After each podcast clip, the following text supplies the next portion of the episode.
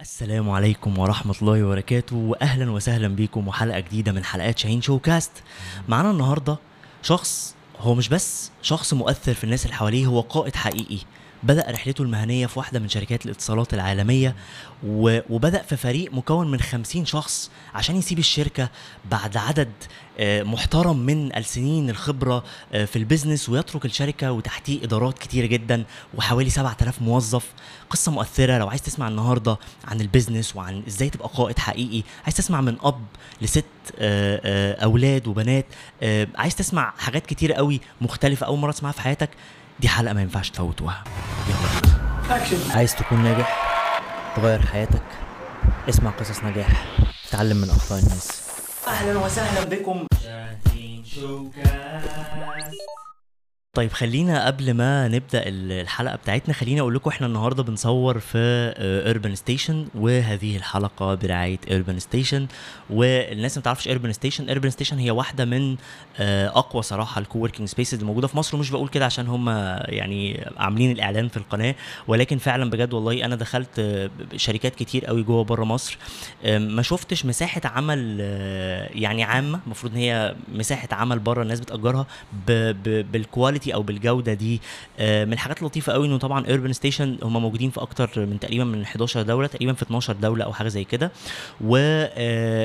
وموجودين في المكسيك و Argentine ومن من الحاجات ال- الجميلة قوي اللي بحبها في اوربن ستيشن في مصر يعني إن أنا لما بدخل ما بحسش إن أنا داخل مكان في مصر. يعني مجرد ما بدخل بحس إن أنا إيه آه، اتفصلت كده ودخلت مكان بيشتغل بال international standards أو بال- بالمواصفات العالمية يعني. من أول الناس اللي بتساعدك في ال facilities وينظموا لك المكان للإدارة يعني حاجة بجد عظيمة جدا. هسيب لكم طبعا ال link بتاع اوربن ستيشن تحت الفيديو تقدروا تخشوا تبصوا آه، على الأماكن. وممكن وأنتوا جايين المكان تسألوا لو في خصم ليكوا لو أنتوا جايين من شاهين شو cast معانا النهارده حد بقى يعني يعني من أحب الناس إلى قلبي. وأقربهم لكل الناس اللي بيعرفوه. طبعا يعني أكيد اللي بيتفرج على الحلقة كتير منهم عارف أشرف ده. إذا ما كانش اتعلم منه حاجة أو يعني أهلا بيك يا أشرف. أهلا بيك يا أحمد. ربنا يكرمك على المقدمة الجميلة دي. يا أشرف والله أنا النهارده يعني دي من أكتر الحلقات أنا كنت بقول اشرف الصبح أنا وأنا جاي أصور. أول مرة أبقى حاسس في حلقة من حلقات شاهين شوكاس إن أنا رايح رحلة المدرسة عارف؟ أول رحلة مدرسة زمان. فجاي النهارده الحلقة وأنا في قمة الانبساط أنا جاي أشوف أشرف هلال وأتشرف إن أنا أقعد أصلا قدامه آه، في حلقة ويشرفنا في شاهين شوكاست ونسمع منه. يعني حاجة يعني شرف ليا والله أشرف وجودك النهارده يعني. شرف ومتعة عليا كمان يا شاهين. وعارف كمان إحنا مأجلين بقالنا كتير اللقاء ده. فانا مبسوط قوي إن إحنا عرفنا نعمله. الحمد لله يعني حاسنا نعمة. نجاح والله الحمد لله. يبارك فيك. طيب أشرف إحنا عندنا شوية طقوس يعني بنحب نبدأ بيها ال- الحلقة. معاك. فأول حاجة كده إيه طبعا انت غني عن التعريف بس الناس اللي بتتفرج ممكن يكون في حد فيها ما يعرفش أشرف هلال فبنبدأ بتعريف للضيف. المايك المايك لإلك ربنا يخليك. اولا أنا عاوز ألغي حتة من تعريفك الأول. قلت يعني هو مش شخص عادي. لا أنا شخص عادي. الحمد لله يعني ويعني واتعلمت في الفترة الأخرانية إن أتشرف بده وأبقى مبسوط بيه و ونعمة كمان ويبقى مستور واحد مستور. يعني إنك تبقى عادي ده يعني إنك مستور. الحمد لله يعني. فانا اسمي أشرف هلال. آه، هتم 50 سنة. إن شاء الله. دلوقتي. عديت ال 49 يعني. بفترة بسيطة بس أنا عاجبني رقم 50 فبقوله يعني. و... وفي حسبة تانية 50 سنة وسبع شهور ف ربنا يبارك في عمرك ربنا يبارك فيك. آه، أب لستة زي ما أنت قلت. آه، ودي من أهم التعريفات بالنسبة لي في حياتي. ال leadership أو القيادة اللي أنت اتكلمت عنها من أهم الحاجات في حياتي. من أهم الحاجات اللي علمتني ومن أهم الحاجات اللي أخذتني. ومن أهم الحاجات اللي غيرت حياتي لما حبيتها. لو عاوز التعريف من الناحية المهنية فأنا اتخرجت سنة 93 من أكاديمية السادات للعلوم الإدارية. آه، ابتديت حياتي العملية تقريبا في الوقت ده أو قبلها بشوية بشوية حاجات كده آه، يعني ماركتينج آه، شغل وكده. وقضيت خمس سنين رحت فيهم يمكن ست أو سبع شركات مختلفة.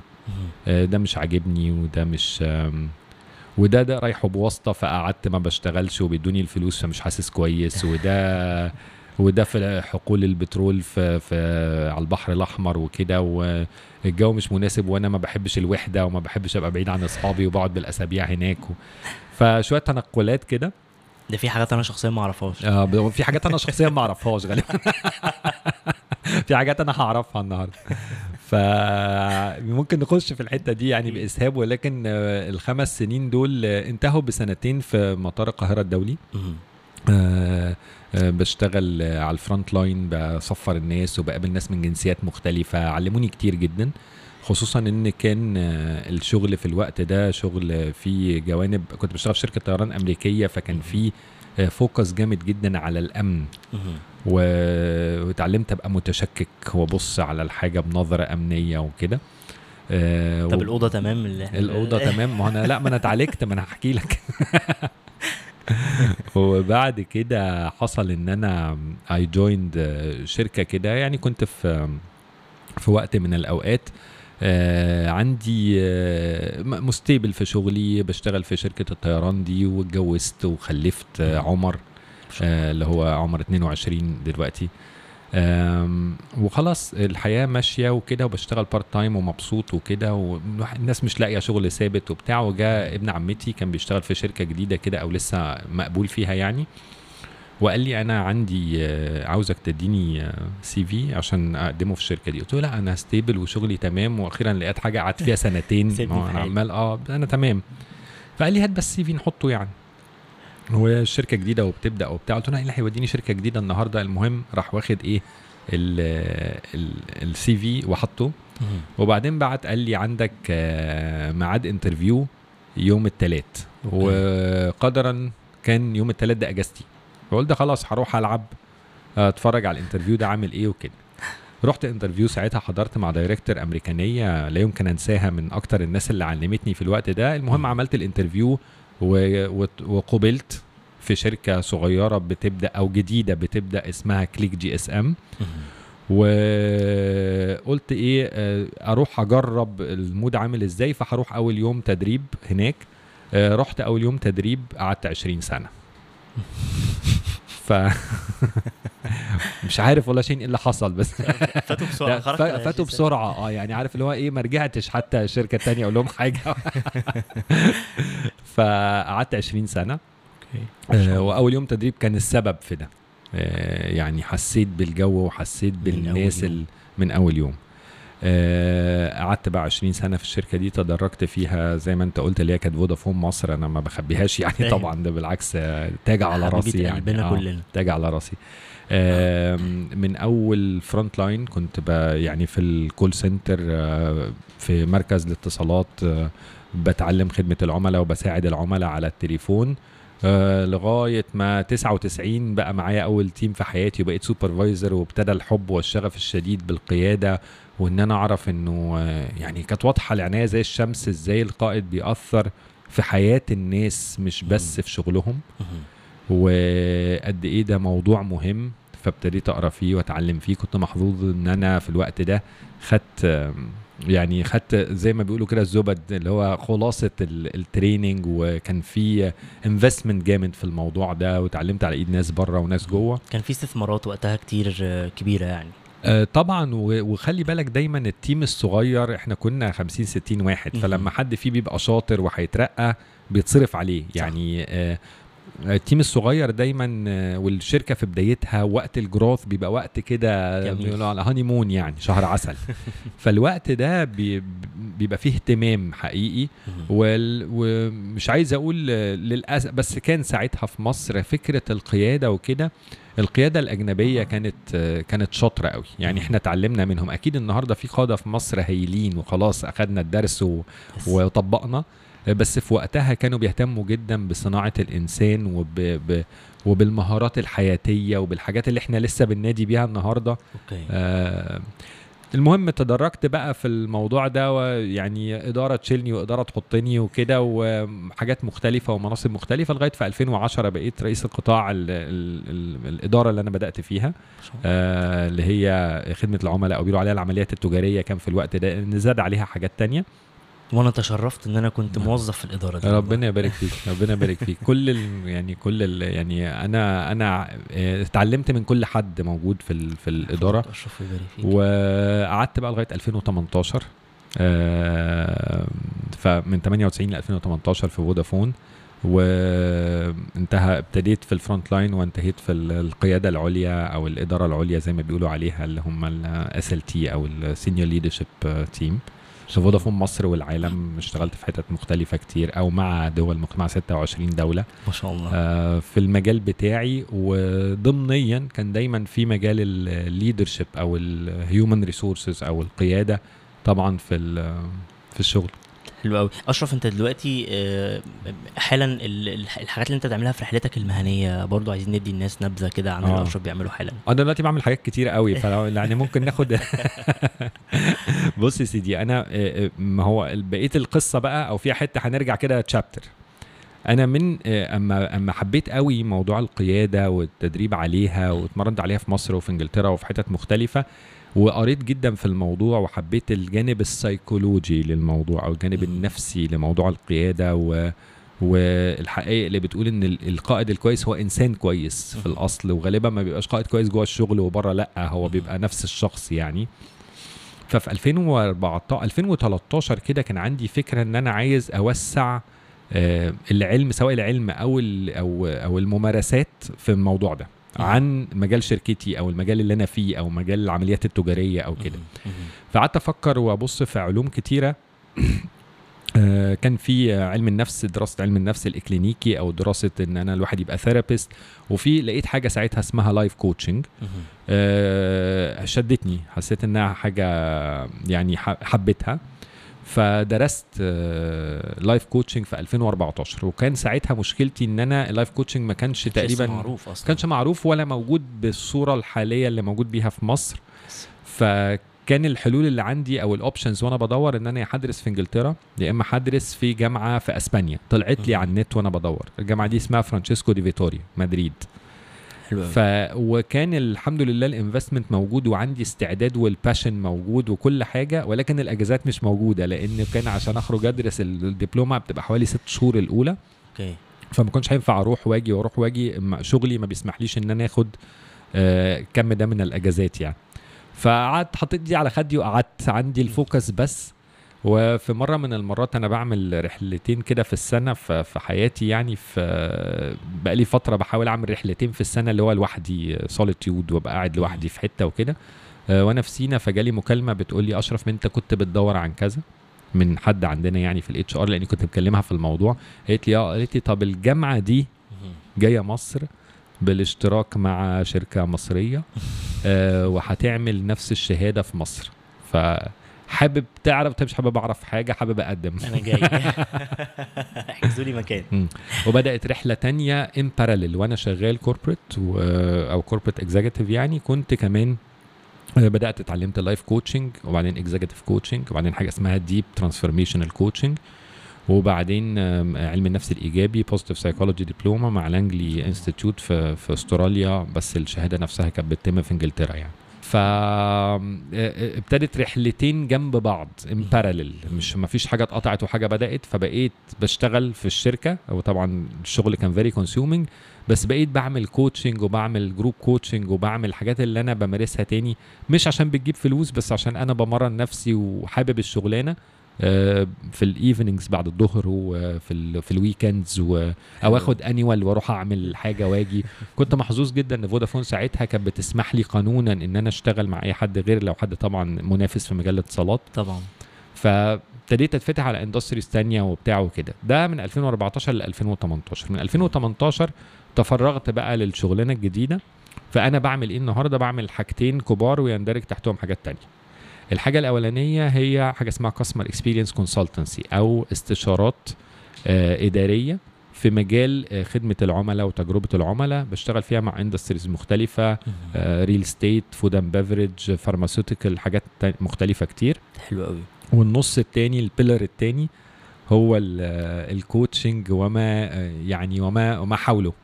من positive psychology حاجة اسمها leadership transformation أو برامج إعداد القادة والحاجات دي.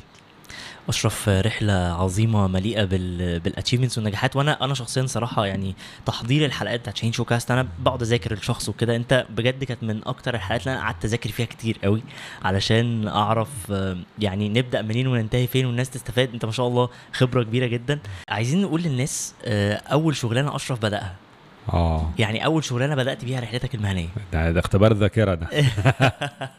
أول حاجة حاجة خالص خالص يعني كانت أيام الجامعة. كان آه كنت بعتها ساعتها بعمل market survey وكان ال market survey ما بيتعملش بالطرق الموجودة خالص. يعني كنت آه بشتغل في شركة آه بتعمل منتجات صيدلانية ومنتجات آه food. فكنت بنزل ألف آه أعد ال supermarkets والبقالين والصيادلة والبنزينات اللي هي الاماكن اللي هيتباع فيها منتجات الشركة دي في الشوارع. فأعد واخد contact والعنوان. أعد واخد contact والعنوان. وفاكر إن أنا في يوم من الأيام اكتشفت إن أنا عشان أغطي شارع الهرم وفيصل عدد الصيدليات قعدت يوم كامل أو يوم ونص وما قدرتش أغطيهم.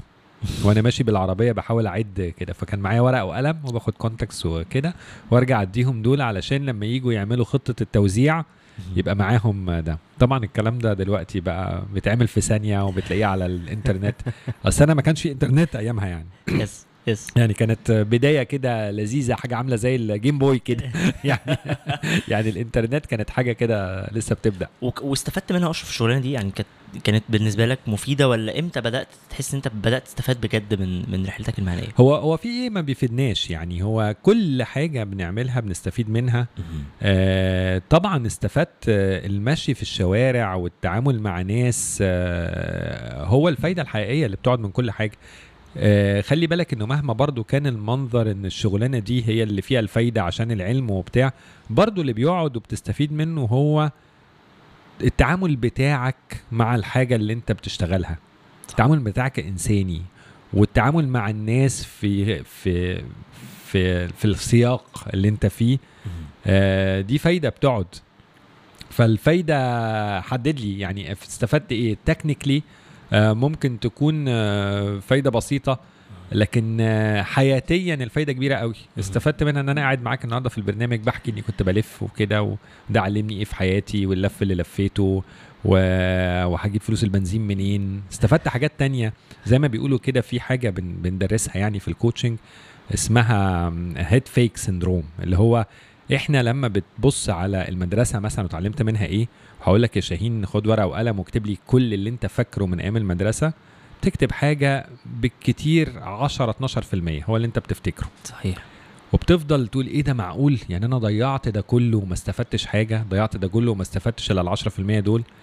لأن انت اما ضيعت ده كله كنت بتتعلم في حاجات تانية خالص. بتتعلم التعامل مع الناس بتتعلم الخناقات في الكورة وبتتعلم البنات والولاد ونتعامل إزاي بتتعلم المدرسين وشخصياتهم المختلفة وبتتعلم الالتزام بتتعلم حاجات تانية كتير. فالفايدة دايما اللينير اللي بيقولوا عليها الخطية اللي هي ال- الواضحة اللي على السطح بتبقى الأقل. الفايدة الأكبر بتبقى في عمق العلاقات. كل ما يحدث على وجه البسيطة هو عبارة عن علاقات. علاقتك مع نفسك وعلاقتك مع الشغل علاقتك مع المبادئ وال concepts وال... وال... والأفكار المجردة علاقتك مع الناس التانية علاقتك في البيت. أشرف أنت النهارده بقى واحدة من الحاجات اللي الناس مستنياها؟ آه، انت النهارده بدأت رحلتك المهنية في واحدة من شركات الاتصالات العالمية وبدأت في team كان لسه صغير آه، عدد 50 موظف تقريبا سبتها وانت ما شاء الله customer care director تحتيك إدارات وتحتيك مديرين عدد كبير جدا من المديرين والموظفين around 7000 موظف ومدير.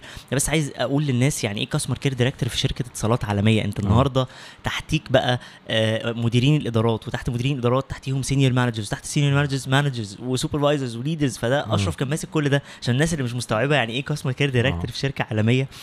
وفجأة الصبح أنا فاكر أنا فاكر حتى كان في ما بيننا meeting كده كنا قاعدين فيه مع بعض بندردش وبعدين كنت كنت بدردش معاك سبحان الله قدرا في الرحلة المهنية. تقريبا كنت أنا لسه دارس career coaching بعدها بسنة. تمام. وفتحنا القصة دي وأنت قلت لي لا أنا إيه يعني لسه شوية. آه. ما حددتش الشوية دول قد إيه. آه. فوجئت بعدها أنت بخمس ست شهور تقريبا إيه ده أشرف ماشي الإيميل مبعوت إنه أشرف ماشي. فاحكي لنا القصة انه آه، يعني أنت إزاي خدت قرار زي ده؟ أنت النهارده آه. 20 سنة آه. آه، في في واحدة من الشركات. إزاي آه، خدت القرار الكبير ده يعني؟ والله إحنا خدنا بعض أنا وقرار. يعني خدنا بعض عن حب. بص يا شاهين أصل هو الموضوع الناس بتشوفه من بره اللي هو إيه البطولة دي وخدت القرار. وكده. أنا عايز كده أتواضع وأقول إن أنا ربنا كرمني. الفكرة ال ال القرار ده أنا اولا النهارده اللي بيسألني أو بيستشيرني أو في بعمل consultancy لحد في حاجة أنا ضد القرارات المفاجأة عموما في الحياة خصوصا لو عندك عيلة وعندك أولاد وعندك مسؤوليات. فأنا ما خدتش قرار ده خبط لزق زي ما حكيت لك أنا من 2014 وكأني كنت بعد للقرار ده. ما كنتش قصدي خالص بموضوع ال coaching وال consultancy وال leadership transformation والحاجات اللي بعملها إن ده يعني بعمله عشان أمشي. ولكن كان طريقة لإعداد حياتي أنا بحب الحياة تبقى parallel فيها parallel roads ما بحبش. الحياة اللي هو أنا مسنود قوي على الطريق ده أو مسنود قوي على العلم ده أو مسنود قوي على ال ال الشلة دي من الأصحاب. كل ما البني آدم يبقى عنده psychological flexibility أو مرونة نفسية آه، بتلاقي عنده حاجات كتيرة في حياته. في رياضة في قراية في. آه، آه، في ناس مختلفة مجموعات من الناس بيعرفها أنواع مختلفة من المهن. حتى Harvard Business Review كانوا عاملين paper مهمه قوي عن فايدة إن يبقى عندك كذا career مش career واحد. yes تمام؟ yes وقد إيه بيسمعوا في بعض وكده. فأنا ما كنتش أ... لما قعدت معاك القعدة دي وقلت لك لسه مش عارف كنت فعلا لسه مش عارف. يعني ده. كان صدقا آه، هو الموضوع. فأنا مش خدت قرار على قد ما أنا سبت الموضوع. زي ما تقول حضرت له. يعني أنا حضرت عملت الحاجتين مع بعض وبعدين قعدت الأربع سنين أعملهم مع بعض لغاية ما جت وقت طبعا الحياة trade offs يعني معنى إن أنا كنت بدأت أحضر في الموضوع ده إن ده خد شوية طاقة من اللي كان ممكن أعمله عشان أتقدم زيادة في ال corporate محدش بيعمل كل حاجة. صحيح. فعملت balance معين كده في حياتي. لغاية ما وصلت لمرحلة آه، عرض عليا حاجة مهمة جدا كانت مع McKinsey and Company أكبر شركة consultancy في العالم. في الوقت ده وكان ساعتها في project هيبدأ وال project ده هيقتضي إن يبقى بره مصر أسبوعين في الشهر لمدة ست شهور. okay. طبعا ده حلم لا يمكن تحققه مع ال corporate يعني إزاي هاخد حتى لو سمحوا لي أشتغل إزاي آخد الكم ده من ال من ال off time يعني أو. الاجازات وكان ساعتها عليا إن أنا أختار بقى خلاص أنا خلاص بقيت established مش well established بس يعني عندي آه شوية brand وشوية شغل ابتدى في موضوع ال leadership. transformation وال consultancy. وعندي عرض من شركة كويسة. صحيح هو مش عرض وظيفي يعني أنا ما بقتش موظف ولكن آه، عرض lucrative وفي آه، يعني يجيب income مفروض. وفي نفس الوقت أنا آه، عملت كل اللي أنا نفسي أعمله في شركة بحبها جدا في مجال بحبه جدا. وأنا واحد من الناس اللي ما بحبش ابدا ال message بتاعت ال corporate life والاستعباد الكلام ده yes أنا corporate life عملت حياتي فيها. اتعلمت كل حاجة عن الحياة مش عن الشغل جوه. واللي فايته ال corporate وبقولها لابني وبقولها لاولادي وبقولها للشباب النهارده اللي فاتوا ال corporate فاتوا كتير. تمام؟ ف آه، آه، من من من عارف أما أنت بتعتزل وأنت أنت مبسوط والناس مبسوطة منك وال performance بتاعك كويس بس كانت نقطة اختيار.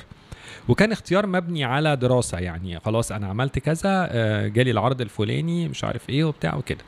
فقلت ساعتها لازم أختار فاخترت بقى كانوا خلاص 20 سنة رقم لطيف الحمد لله السمعة كويسة الدنيا كويسة معروف في ال network بتاعه الاتصالات سواء في مصر أو في ال region أو في يمكن في العالم في حتت. و... وعندي آه، عارف capital كده عندك حتة في حاجة في ال... في البنك بتاع ال brand تبدأ بيه. وبدأت. أول حاجة حصلت بعد ما سبت إن ال project ده اتلغى. دي معلومة جديدة عليا على آه. ومعلومه ال project اتلغى.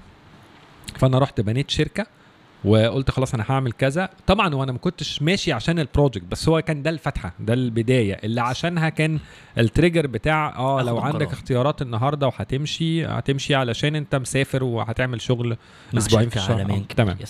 وده بيحصل كتير في عالم ال consultancy وفي عالم ال coaching وبتاع حاجات تبدأ وما تخ... ما تكملش أو ظروف تحصل وكده. طبعا. فلقيت نفسي خلاص موجود. I established شركة صغيرة كده على الورق وقانونا باسمي عشان ده- كانت الطريقة اللي أعمل بيها ال affiliation مع McKinsey Company والشركة دي موجودة وأشرف هلال موجود وال project اتلغى وأنا ما بعملش حاجة. okay؟ سبحان الله. فقلت طيب آه، إيه اللي ممكن يحصل؟ دلوقتي إيه اللي ممكن أعمله؟ بعمل طبعا ال coaching وبعمل ال teaching أنا بدرس coaching في في في leadership coaching excellence واحدة من أكبر المدارس في مصر فبعمل ده. و... وده طبعا مش مهنة تدخل income لل... للعيال أو المدارس والمصاريف وبتاع وكده.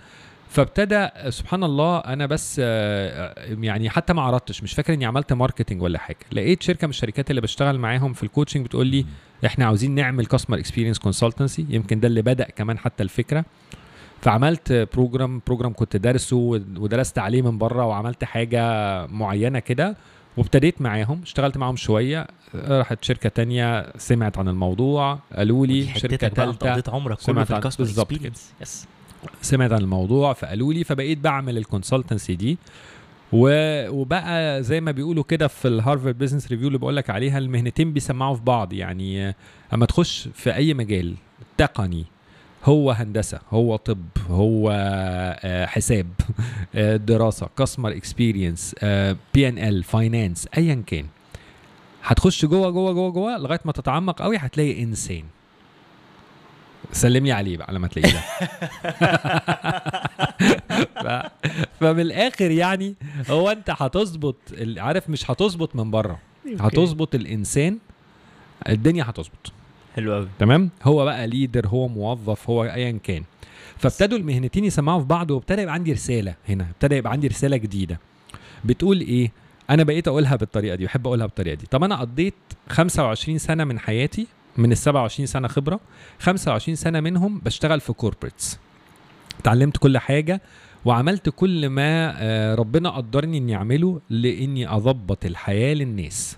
حلو قوي أسهل لهم الاتصالات أدخل ال 3G مصر وكنت جزء من ال project ده ال 4G وكنت جزء من ال project ده. أول billing system اتعمل لأكتر من 20 مليون حد في في, في مجال الاتصالات في العالم كنا إحنا اللي عاملينه. عملنا projects كتيرة قوي بنسهل الحياة للناس. تمام؟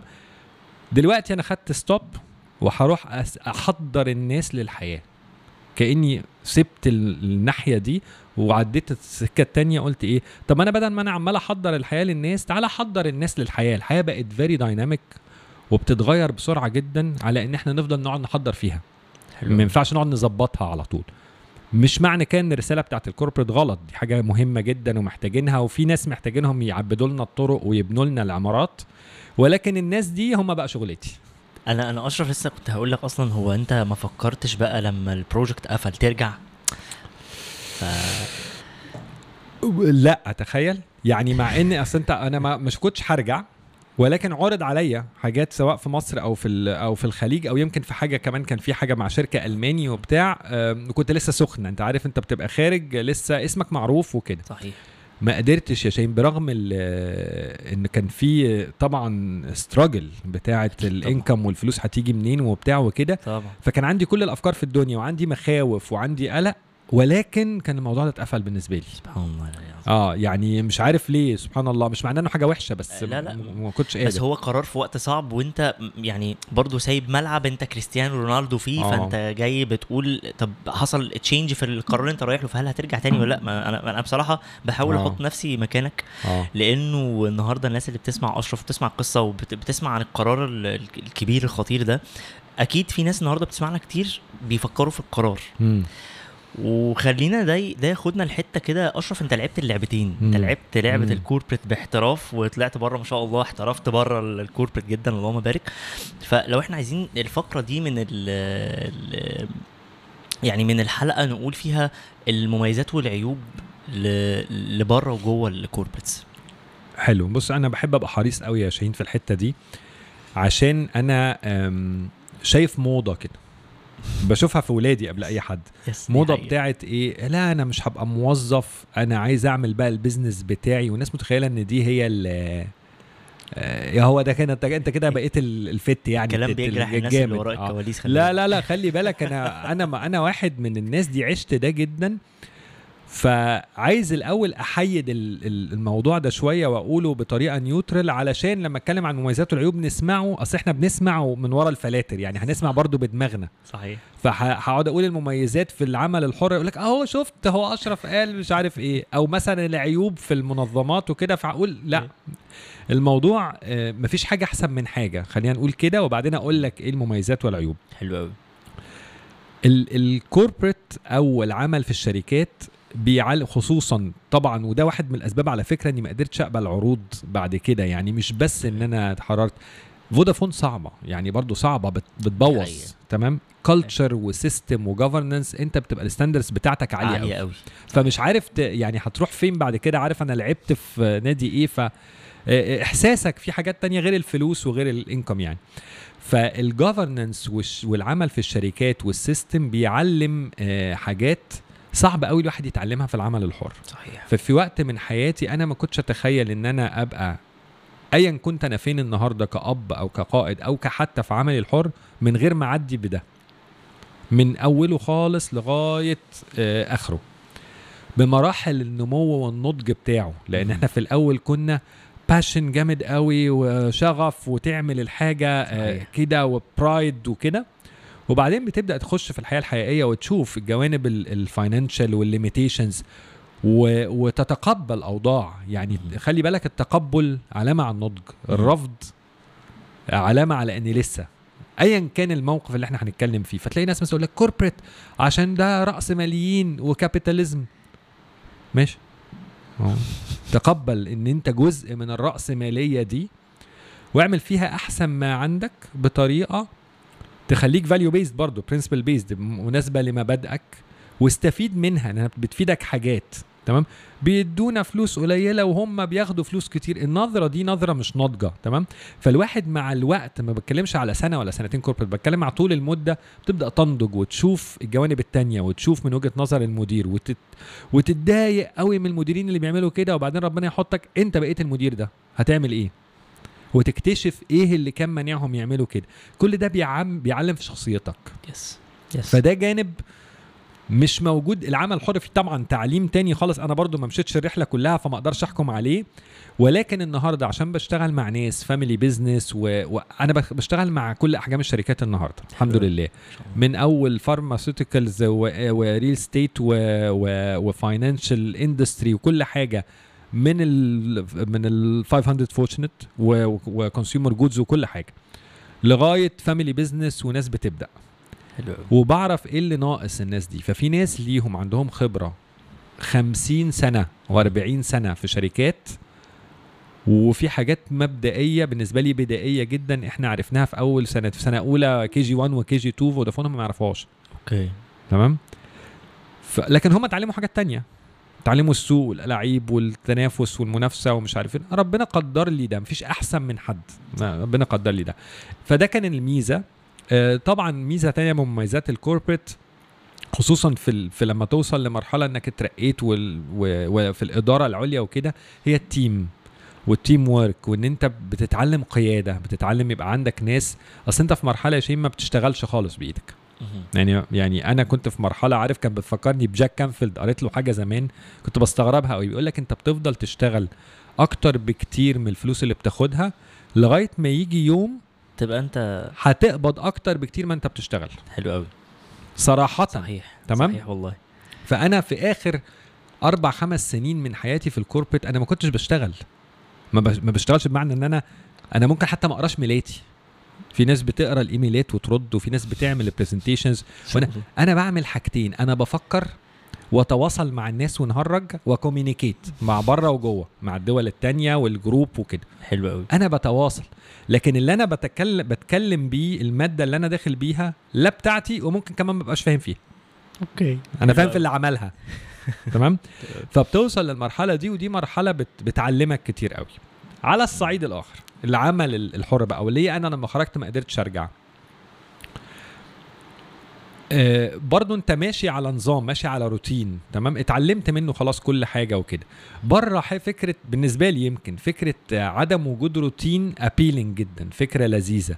حتى لو فيها الهلك والجهد الكبير. صحيح. فان أنا آه، بصحى في الميعاد اللي أنا عايزه بنظم جدولي بالوقت اللي أنا عايزه بختار عملائي. أنا ما كنتش بقدر أعمل كده في فودافون ولا غيرها ولا حد يقدر يعمل كده. لكن أنا بختار العميل بتاعي وبختار الرسالة اللي أنا بدعمها وبقول لأ ده أنا مش مناسب لل values بتاعي مش هعمله أو يمكن آه، آه، آه، عميل كبير قوي لأ ده حرام مش مش هعمل ده. بقى من حقي أرفض وأقبل. ففي إحساس ال autonomy زي ما بيقولوا عليه بيخليك motivated جدا autonomy أو قدرة على الاختيار. حلو قوي و... والعيوب بتاعتها ان انت آه أنا اتعلمت حاجة جديدة خالص السنتين اللي فاتوا كانت مفاجأة بالنسبة لي. ان انت إزاي تعمل انت بقى آه، انت انت دلوقتي راجل صاحب أسرة وعندك عاوز دخل إزاي هتعمل الفلوس؟ أنا عمري ما كنت بعمل الفلوس. هي كانت بتيجي لوحدها. أنا موظف كويس شاطر. آه، أعمل اللي عليا اخد مرتبي. صح. آه، شاطر أكتر آخر السنة مرتبي يعلى. شاطر أكتر آخر السنتين بترقى. فاهم. فأنا طول عمر العلاقة ما بيني وما بين الفلوس إن أنا بعمل كويس والناس بتديني الفلوس. حلو قوي مرة قعدت كده بقى اكتشفت فجأة مرة قعدت 3 4 شهور ما اشتغلش بعدين قلت الله. هي ما بتجيش؟ هتيجي لوحدها؟ ده انت اللي انت تعرفه ده أو اللي انت تقدر ت... القيمة اللي تقدر تضيفها لازم تروح تبيعها يا حبيبي مش هت... مش هتجيلك. صحيح. تمام؟ وهنا بقى في قدر من ال stress عشان بس الناس أصل برضو الثيم اللي انت بتتكلم فيه ده الناس تقول لك إيه؟ لا لا لا الشغل في ال corporate very stressful وأنا عايز أرتاح. ده بره في stress أكبر بكتير. الكلام ده خدعة. صحيح. طبعا. طبعا. بره في stress أكتر بكتير لأن أنت ما بقتش بس stress ده على على الشغل نفسه. ممكن طبعا في حاجات مريحة إنك هتنام وتصحى براحتك وهتعمل مواعيدك زي ما أنت عايز تبني ال team اللي أنت عايزه. جميل كل ده جميل. بس أنت بقى عندك نوع تاني من ال stress إن أنا إزاي هبيع ده؟ صح. هعمله هجيب الفلوس منين يعني؟ وهتيجي ولا لأ بعد آه. ما أعمل كل اللي عليا؟ آه. ف آه، الحرية تمام؟ آه، بس خليك آه، يعني أنا قصدي ما بنصحش ابدا بالنطة بتاعة القرار. لا قبل ما اتعلم كفاية اتعلم كفاية. اتعلم خد وقتك وتعلم كفاية. وما بنصحش عموما بإن أنا أقطع حبل وأبدأ حبل جديد. ليه ما ليه ما كان ما اعملش الحاجتين مع بعض؟ الفكر الجديد في العالم حتى في ال design design thinking أنت بتبدأ الحاجة يس و iterate ابدأ الحاجة وجربها. اعمل prototype فانت عندك فرصة تلعب اللعبتين خصوصا الشباب اللي عنده لسه طاقة وعنده سن وما عندوش مسؤولية كبيرة أو وقته يسمح له إنه يشتغل 14 15 ساعة في اليوم فجرب. عظيم. صحيح. ادي نفسك فرصة وجرب. طب إحنا الحتة دي ممكن تاخدنا اشرف بقى؟ لو إحنا عشان قبل ما عشان برضو الناس هتبقى قاعدة مستنية طب هات بقى هنعمل إيه بقى؟ ف... آه. ف... فلو إحنا عايزين نقول الجزء ده من الحلقة بعنوان نصائح آه. قبل أن تترك وظيفتك. آه. الناس ممكن تعمل إيه قبل ما ياخدوا القرار ده. بص بص يا شاهين. عشان نتفق. عشان نتفق مع بعض والبرنامج ده يمشي على خير. أنا أي وقت هتقولي فيه كلمة نصايح هتلاقيني بتنصل. آه أنا خدت بالي بصراحة مش. لإني آه، آه، معرفش يمكن يمكن مع السن هتعرفها الفكرة فكرة إنه النصايح أنا بسميها النصايح المعلبة. أنا ما بحبش النصايح المعلبة. انهيلثي حتى لو أنت جعان وشبعتك. فاللي قاعد مستني أقول له يعمل إيه؟ أو نقول له الكبسوله أنا بأكله junk للأسف.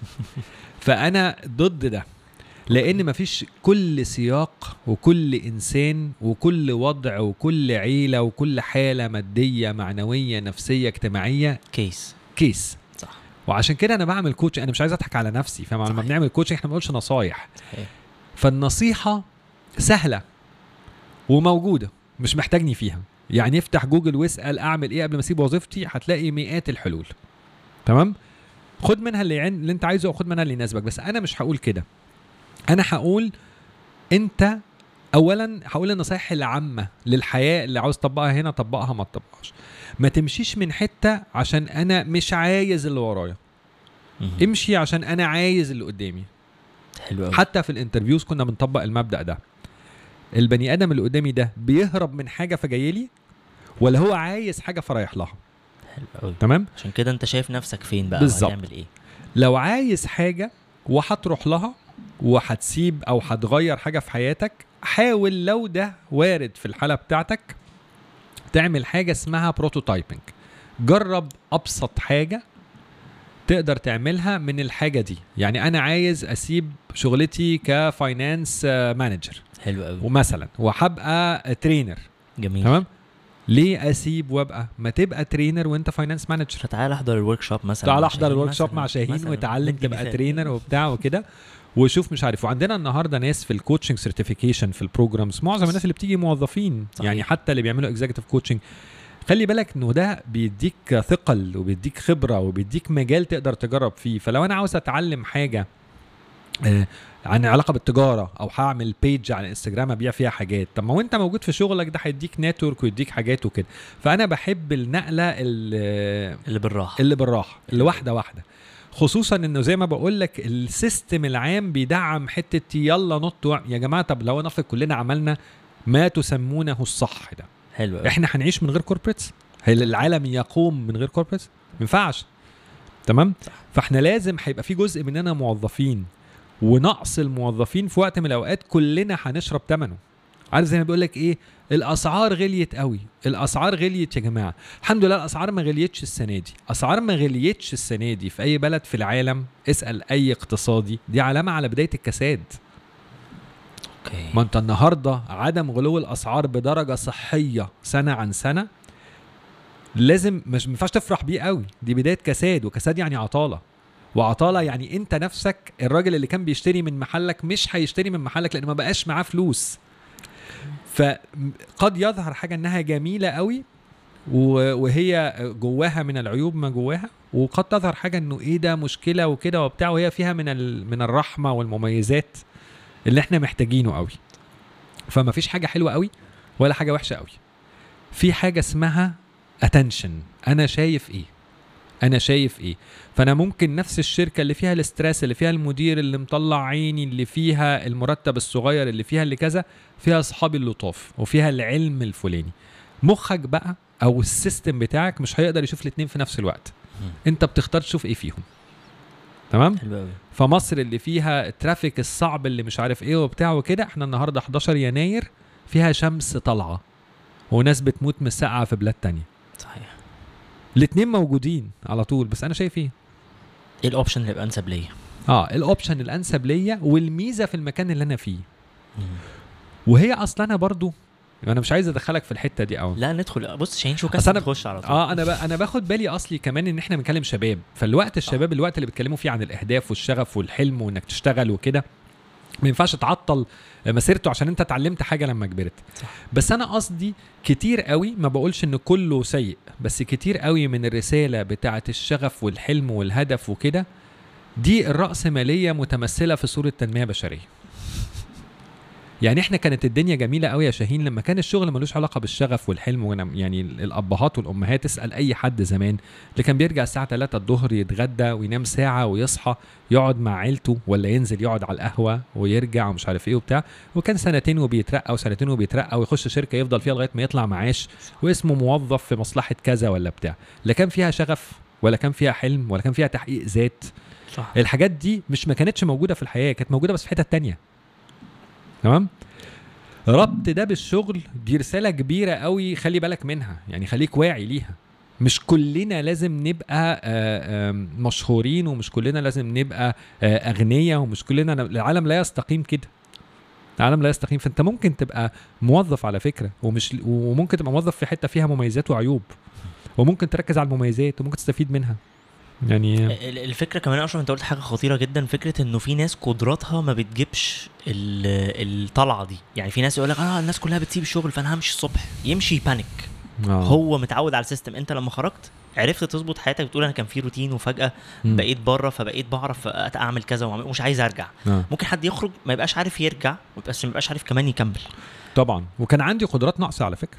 يعني أنا كان عندي قدرة أنا أنا برضو كنت بني آدم ملتزم جدا في ال corporate معروف إن أنا بوصل قبل ميعادي لأي meeting الكلام ده اتمرنت عليه ما كنتش كده طول عمري بس اتمرنت عليه. لما خرجت لما ما لقيتش ما يلزمني أنا سبت شوية وبقيت distracted وبقيت الوقت بيضيع مني وكده وكانت قدرة و skill محتاجة أتمرن عليها.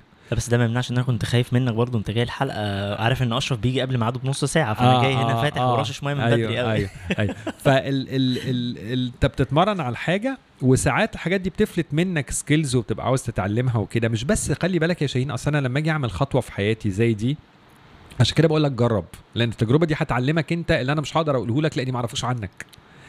فأنت بتجرب ليه؟ عشان تعرف إيه اللي ناقصك. ما هو أنت محتاج درجة من الوعي بنفسك ونفسيتك ووضعك والسيستم اللي أنت فيه وقدراتك. قدراتك لو أنت مش عارفها ما هي دي مشكلة. صحيح. يعني أنا ما ينفعش إن أنا أقرر أبقى النهارده هبقى آه، آه، مغني. ما أنا لو أنا مش عارف إن أنا صوتي وحش تبقى تبقى مشكلة كبيرة. تمام؟ ف at least لو أنا عندي بقى ال passion ده جامد قوي أجرب أغني على شوية أصحاب وأشوف إيه اللي هيحصل. طب أشرف إحنا عايزين الحتة بقى دي نحكي شوية عن يعني الصراحة كان نفسي أعرف هو أثر أثر القرار بقى على الناس اللي حواليك. طبعا آه. في ال business كده كان في حزن. أنا آه. عشت الحزن ده. بس كان كمان أثره على ال family عامل إزاي؟ ال- ال- ال business كان فيه حزن وعلى ما أذكر بالنسبة لي كان فيه درس مهم قوي برضو إن أنا بعد ما بقول لك بعد ال 20 سنة واكمل projects وال achievements والفشل والنجاح والقصة كلها ما تبقاش منها إلا العلاقات الإنسانية. حتى في يوم ما أنا ماشي كان كل comment وكل تعليق بيتقال لي عن موقف حصل ساعة الفطار ولا موقف حصل في اجتماع معين. لما قلت لي انت شاطر وده قال لي مش عارف إيه. أو لما قلت لي انت شكلك تعبان روح. أو لما كان مرتبي مش نازل وانت حليت معايا. مش حاجات أنا مش فاكرها خالص. بس بتقول قد إيه البني آدم بينسى كل التفاصيل ويفتكر العلاقة. فده كان درس مهم ليا. والله يا شاهين عيلتي والناس اللي حواليا كانوا مخضوضين. لأن هم عارفيني. يعني زي ما بتقول أشرف فودافون لازقين في بعض. دي كلمة حقيقة. أشرف فودافون وأنا من النوع لما بعمل حاجة ببقى مقتنع بيها قوي يعني ما. ما بعرفش أبقى راكب الأتوبيس وخلاص. فأنا فودافون فأنا فودافون في حياتي بتكلم عنها. بدافع عنها وب... وعايز لها الخير وعايز يعني أنا يعني لما كانوا بيقولوا لي هقول لك حاجة مهمة قوي في وقت ما قعدت في الشركة كان بيقول لك يقول لك إيه think and act like an owner يعني تعامل كأن أنت مالك المال ده كأنك مالك الشركة. أنا ما كنتش بحب. الكلمة دي ابدا. ليه بقى؟ لأني أنا كنت بشوف إن أنا في مالي ممكن اسرف وممكن أبوظ. كان مال الشركة أهم بالنسبة لي. الكلام ده أنا ما بقولوش للشهره على فكرة. دي حقيقة. أنا لما بخرج من بيتي النهارده من الأوضة مراتي تقول لي ما قفلتش النور ليه؟ أنا بنسى. أنا بحب الأنوار منورة وأمشي. لما كنت بخرج من meeting في الشركة كنت بقفل النور. وأنا نفس الشخص اللي بينسى. لما أكون راكب عربيتي ممكن امشي بسرعة وممكن ابقى اخد risk. لما اكون راكب عربيتي الشركة كنت بحافظ عليها أكتر. تمام؟ لأن دي هتحاسب عليها بطريقة مختلفة. هي كانت النقطة. فحتى think and act like an owner لا كنت حابب قوي شركتي وكده. فالناس عارفيني أشرف في حديثه على طول في فودافون في اسمه في فودافون وطبعا corporate كمان ليها status يعني كنت آه، معروف في ال network بتاعة ال executives اللي مش عارف إيه وبتاع جرايد آه، تلفزيون انت على طول اسمك معروف في الحتة دي. فهم اتخضوا ولادي الكبار عيطوا البنات و- وعمر اتخض والبنتين عي... يعني كانوا بيعيطوا من كتر ما هم مرتبطين عاطفيا بفودافون. بيقولوا إحنا بنحس إنك فودافون طول حياتك. أنت عارف إحنا كنا بيعملوا family days والأطفال بيجوا من هم طبعا صغيرين وأصحابي بتوع فودافون هم أصحابهم. يعني آه، على ذكر هادي مثلا وال- وال comments وبتاع ومش عارف إيه. يعني هادي ده من مربي عيالي مثلا آه، أيمن. الناس كلها اللي أصحابنا دول. yes فهم مرتبطين قوي بالشركة فمش متخيلين الحياة من غيرها. هي فودافون بتبقى بيت آه. تاني بنت اللذينة فالخضة بتاعت هم مش عارفين. كان في ثقة عامة كده هو بابا مش مجنون فأكيد هيعمل أو مثلا آه، آه، أنا جوزي مش مجنون فأكيد هيعمل حاجة هو عارف هي إيه. وأنا كنت عامل نفسي عارف.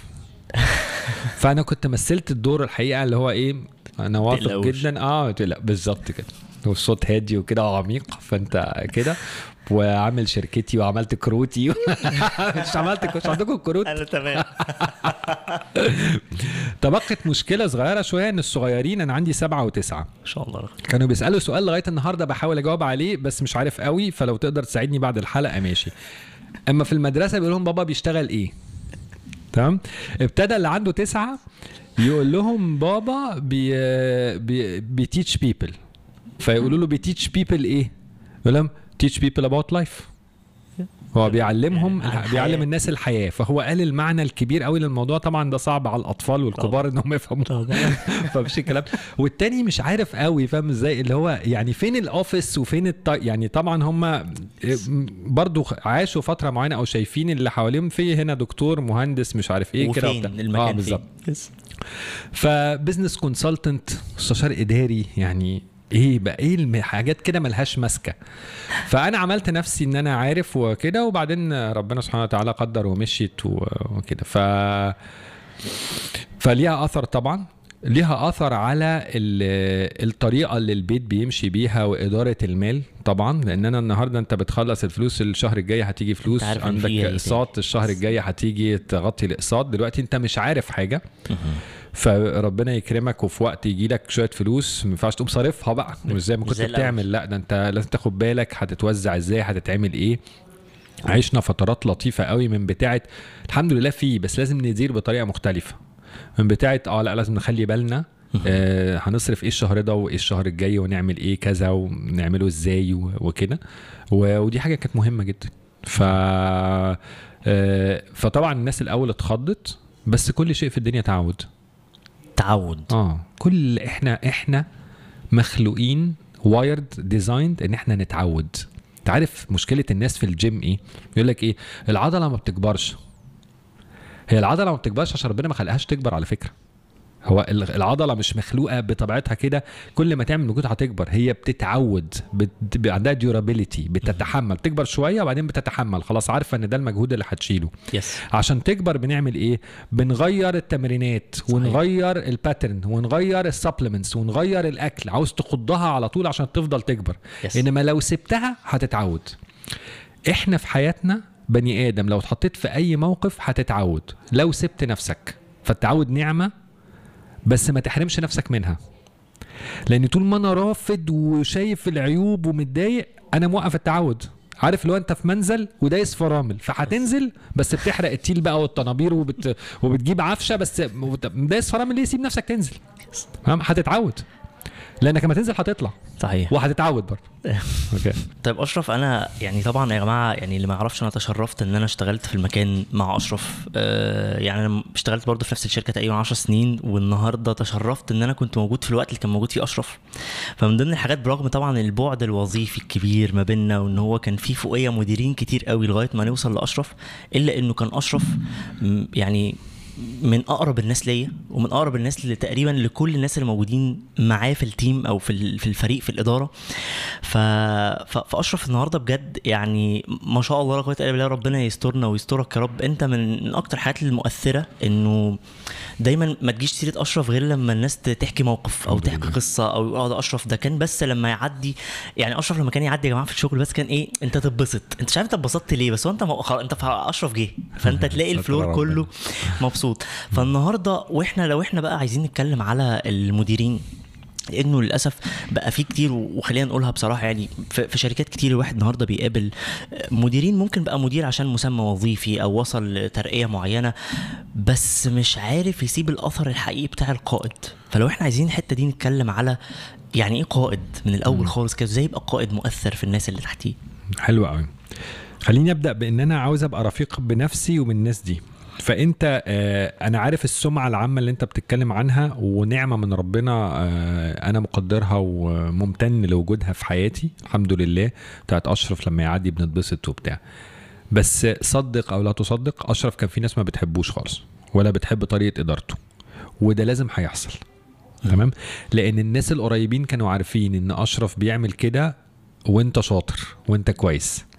لو أنت مقصر في شغلك أو كده انت عارف ان إحنا في احصائية من الاحصائيات في سنة من السنوات كانوا بيقولوا أشرف بتاع الناس وأشرف اللي ده كانت السمعة دي موجودة بقى لها سنين.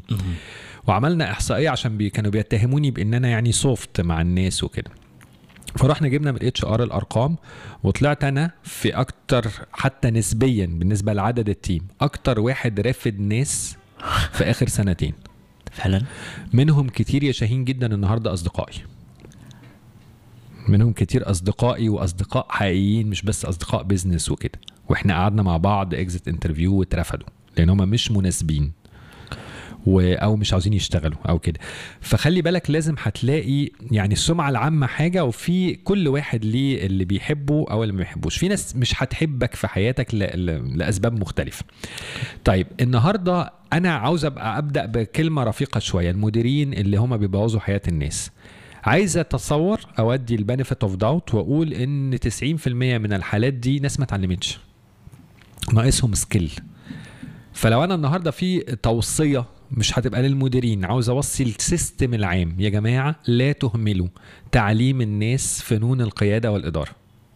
ده مهم جدا. مهم جدا إنك تعمل investment محترم في إنك تعلم الناس. قد إيه؟ تقول لي ما هو اصل هو هيتعلم ولا مش هيتعلم؟ في risk في مخ... في مخاطرة. زي ما بتدخل ابنك المدرسة ممكن يتعلم أو ما يتعلمش. زي ما بتدخل واحد يطلع شاطر وواحد يطلع مش شاطر. بس ما ينفعش ما تدخلوش المدرسة وتقول أصله كان ممكن ما يتعلمش. صحيح. فمدرسة القيادة مدرسة مهمة قوي ومن أهم الطرق اللي بيتعلم بيها القادة مش بس ال training ال training والقراية وال exposure والتجربة وال mentoring وال coaching في طرق كتير. مختلفة لل levels مختلفة و... بس ما توقفش تعليم الناس. تبقى عملت اللي عليك في الحتة دي. وبعدين نرجع نقول تاني إيه القائد الكويس هو إنسان كويس. لأنه أنا آه يعني أنا مؤمن قوي بحاجة اتقالت عند ستيفن كوفي وفي حتت كتير في الفلسفة وبتاع بطرق مختلفة. اللي أنت بتحطه في أي علاقة في حياتك أهم من اللي أنت بتقوله أو بتعمله هو أنت مين.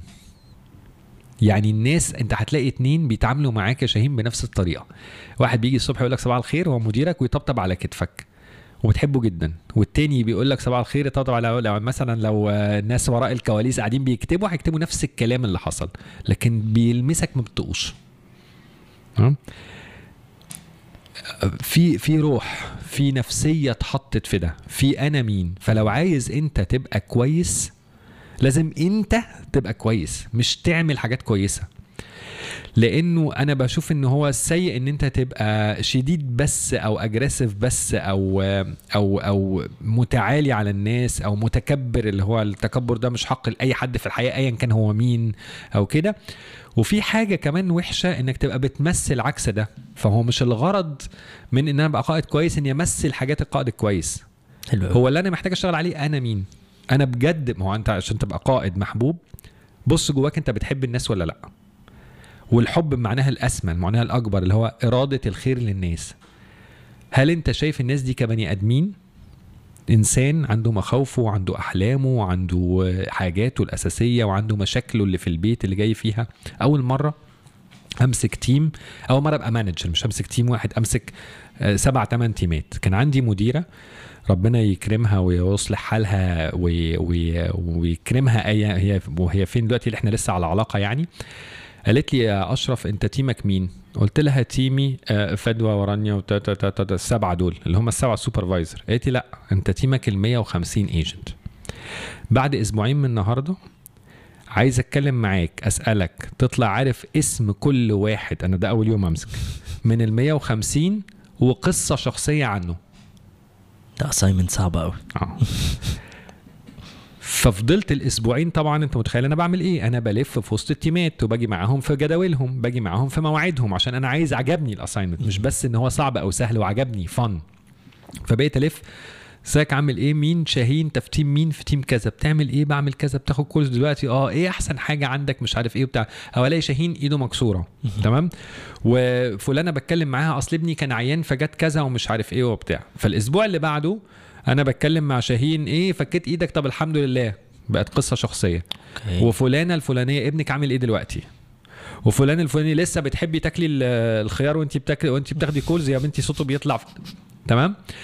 فابتدى الموضوع يبقى فيه إيه؟ الده علمني إن هو أهم حاجة اللي أنت بتقول عليها دي. أنا أشرف لما يعدي نبقى مبسوط هو مش مبسوط؟ أنا بحب الناس أنا حاببهم بجد أنا مش بعدي عشان حلو إنك تعدي. يا قائد. لو بتعملها كده غالبا مش هتجيب النتيجة. لكن لو انت نطط وبتحب تتنطط وبتحبش تقعد في المكتب زيي فغالبا هتجيب نتيجتها لأنه بقى إيه في في شغف متبادل هنا بين الناس عاوزة تشوف أشرف وأشرف عاوز يشوف الناس أو بيحبهم. فالقائد الكويس محتاج تدريب القائد كويس محتاج قراية في علم في الموضوع والقائد الكويس للأسف مش عاوز أقول للأسف بس هي حقيقة فيها حاجات innate فيها حاجات اتخلقت فيك.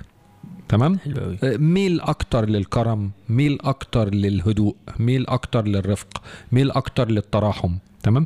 مش كل الناس كده ولكن كل الناس تقدر تكون الصفات اللي ما اتخلقتش فيها بشوية أكتر من ال practice والتعليم والتجربة. فال system والشركات ما تهملش إعداد القائد. النقطة دي من الأهمية وأنا أقول لك الكلام ده بالأرقام ده شغلي بقى مش هقوله كمان إن أنا بقوله عشان الله يلا بندعو لحاجة حلوة بس.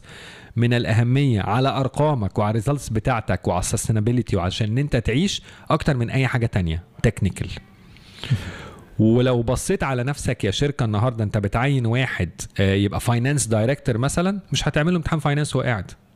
ولا هتعرف technically مش هتعرف. بجد انت هتدخله وانت مش عارف هو يعرف إيه في ال finance عندك شوية شهادات وشوية history حلو قوي. لكن هتشوفه في ال interview بي communicate إزاي هو بيتكلم إزاي هو بيدير إزاي هو بي develop مين هو ما يمسك ال team هيحصل إيه بتبدأ تقول إيه ال bad news ومين اللي كان المفروض يترقى وده جاي عليه من بره هنعمل إيه؟ بتفكر بس في الحاجات الإنسانية. صحيح. فأعد القادة بتوعك للحاجات الإنسانية دي. الحاجة الثالثة وهي أهم حاجة دلوقتي أنا بحب أنقلها كرسالة القيادة زمان غير القيادة دلوقتي. وزمان ده مش من زمان قوي من 20 30 سنة كان أهم حاجة في القائد إنه يبقى decisive بيعمل قرار عنده IQ عالي ذكي بيقدر يحل مشاكل آه عنده شخصية قوية عنده كاريزما. حلو الكلام ده؟ كل ده مهم؟ آه. هل هو ما بقاش مهم؟ لا لسه مهم جدا بس هو ما بقاش أهم حاجة. لأن الم... الموديل ده في القيادة كان مبني على اني عندي خبرة فبقدر استغل خبرتي في الإعداد للمستقبل.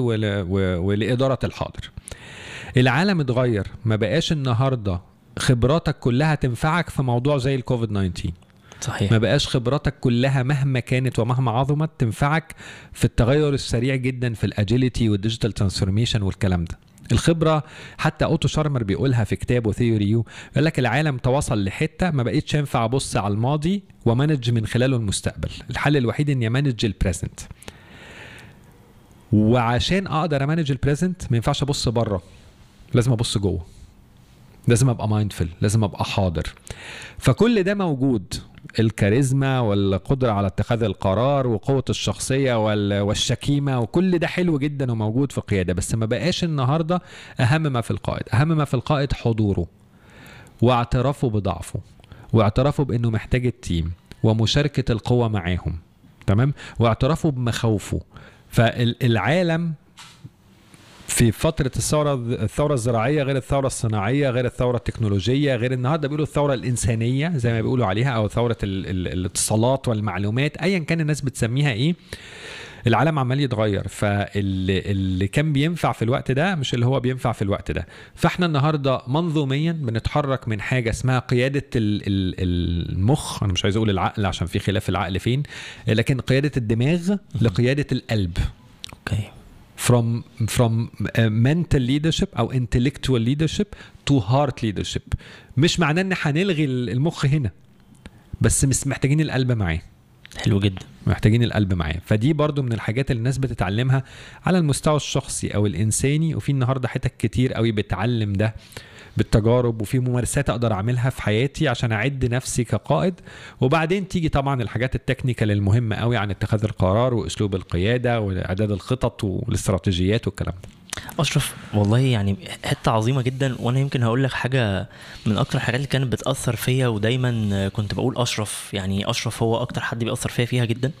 فكرة إن أنا برغم برغم البعد ال- ال- التسلسل الوظيفي اللي كان ما بيننا وإنه في ما بيننا ناس كتير قوي لغاية ما نوصل ليك إلا إنه ما كنتش بحس إن أنت. يعني اللي ماسك الإدارة دي كلها. يعني كنت دايما لما بنتقابل ومش بتعمل معايا كده أنا بس أعتقد أنت كنت بتعمل كده مع الناس كلها.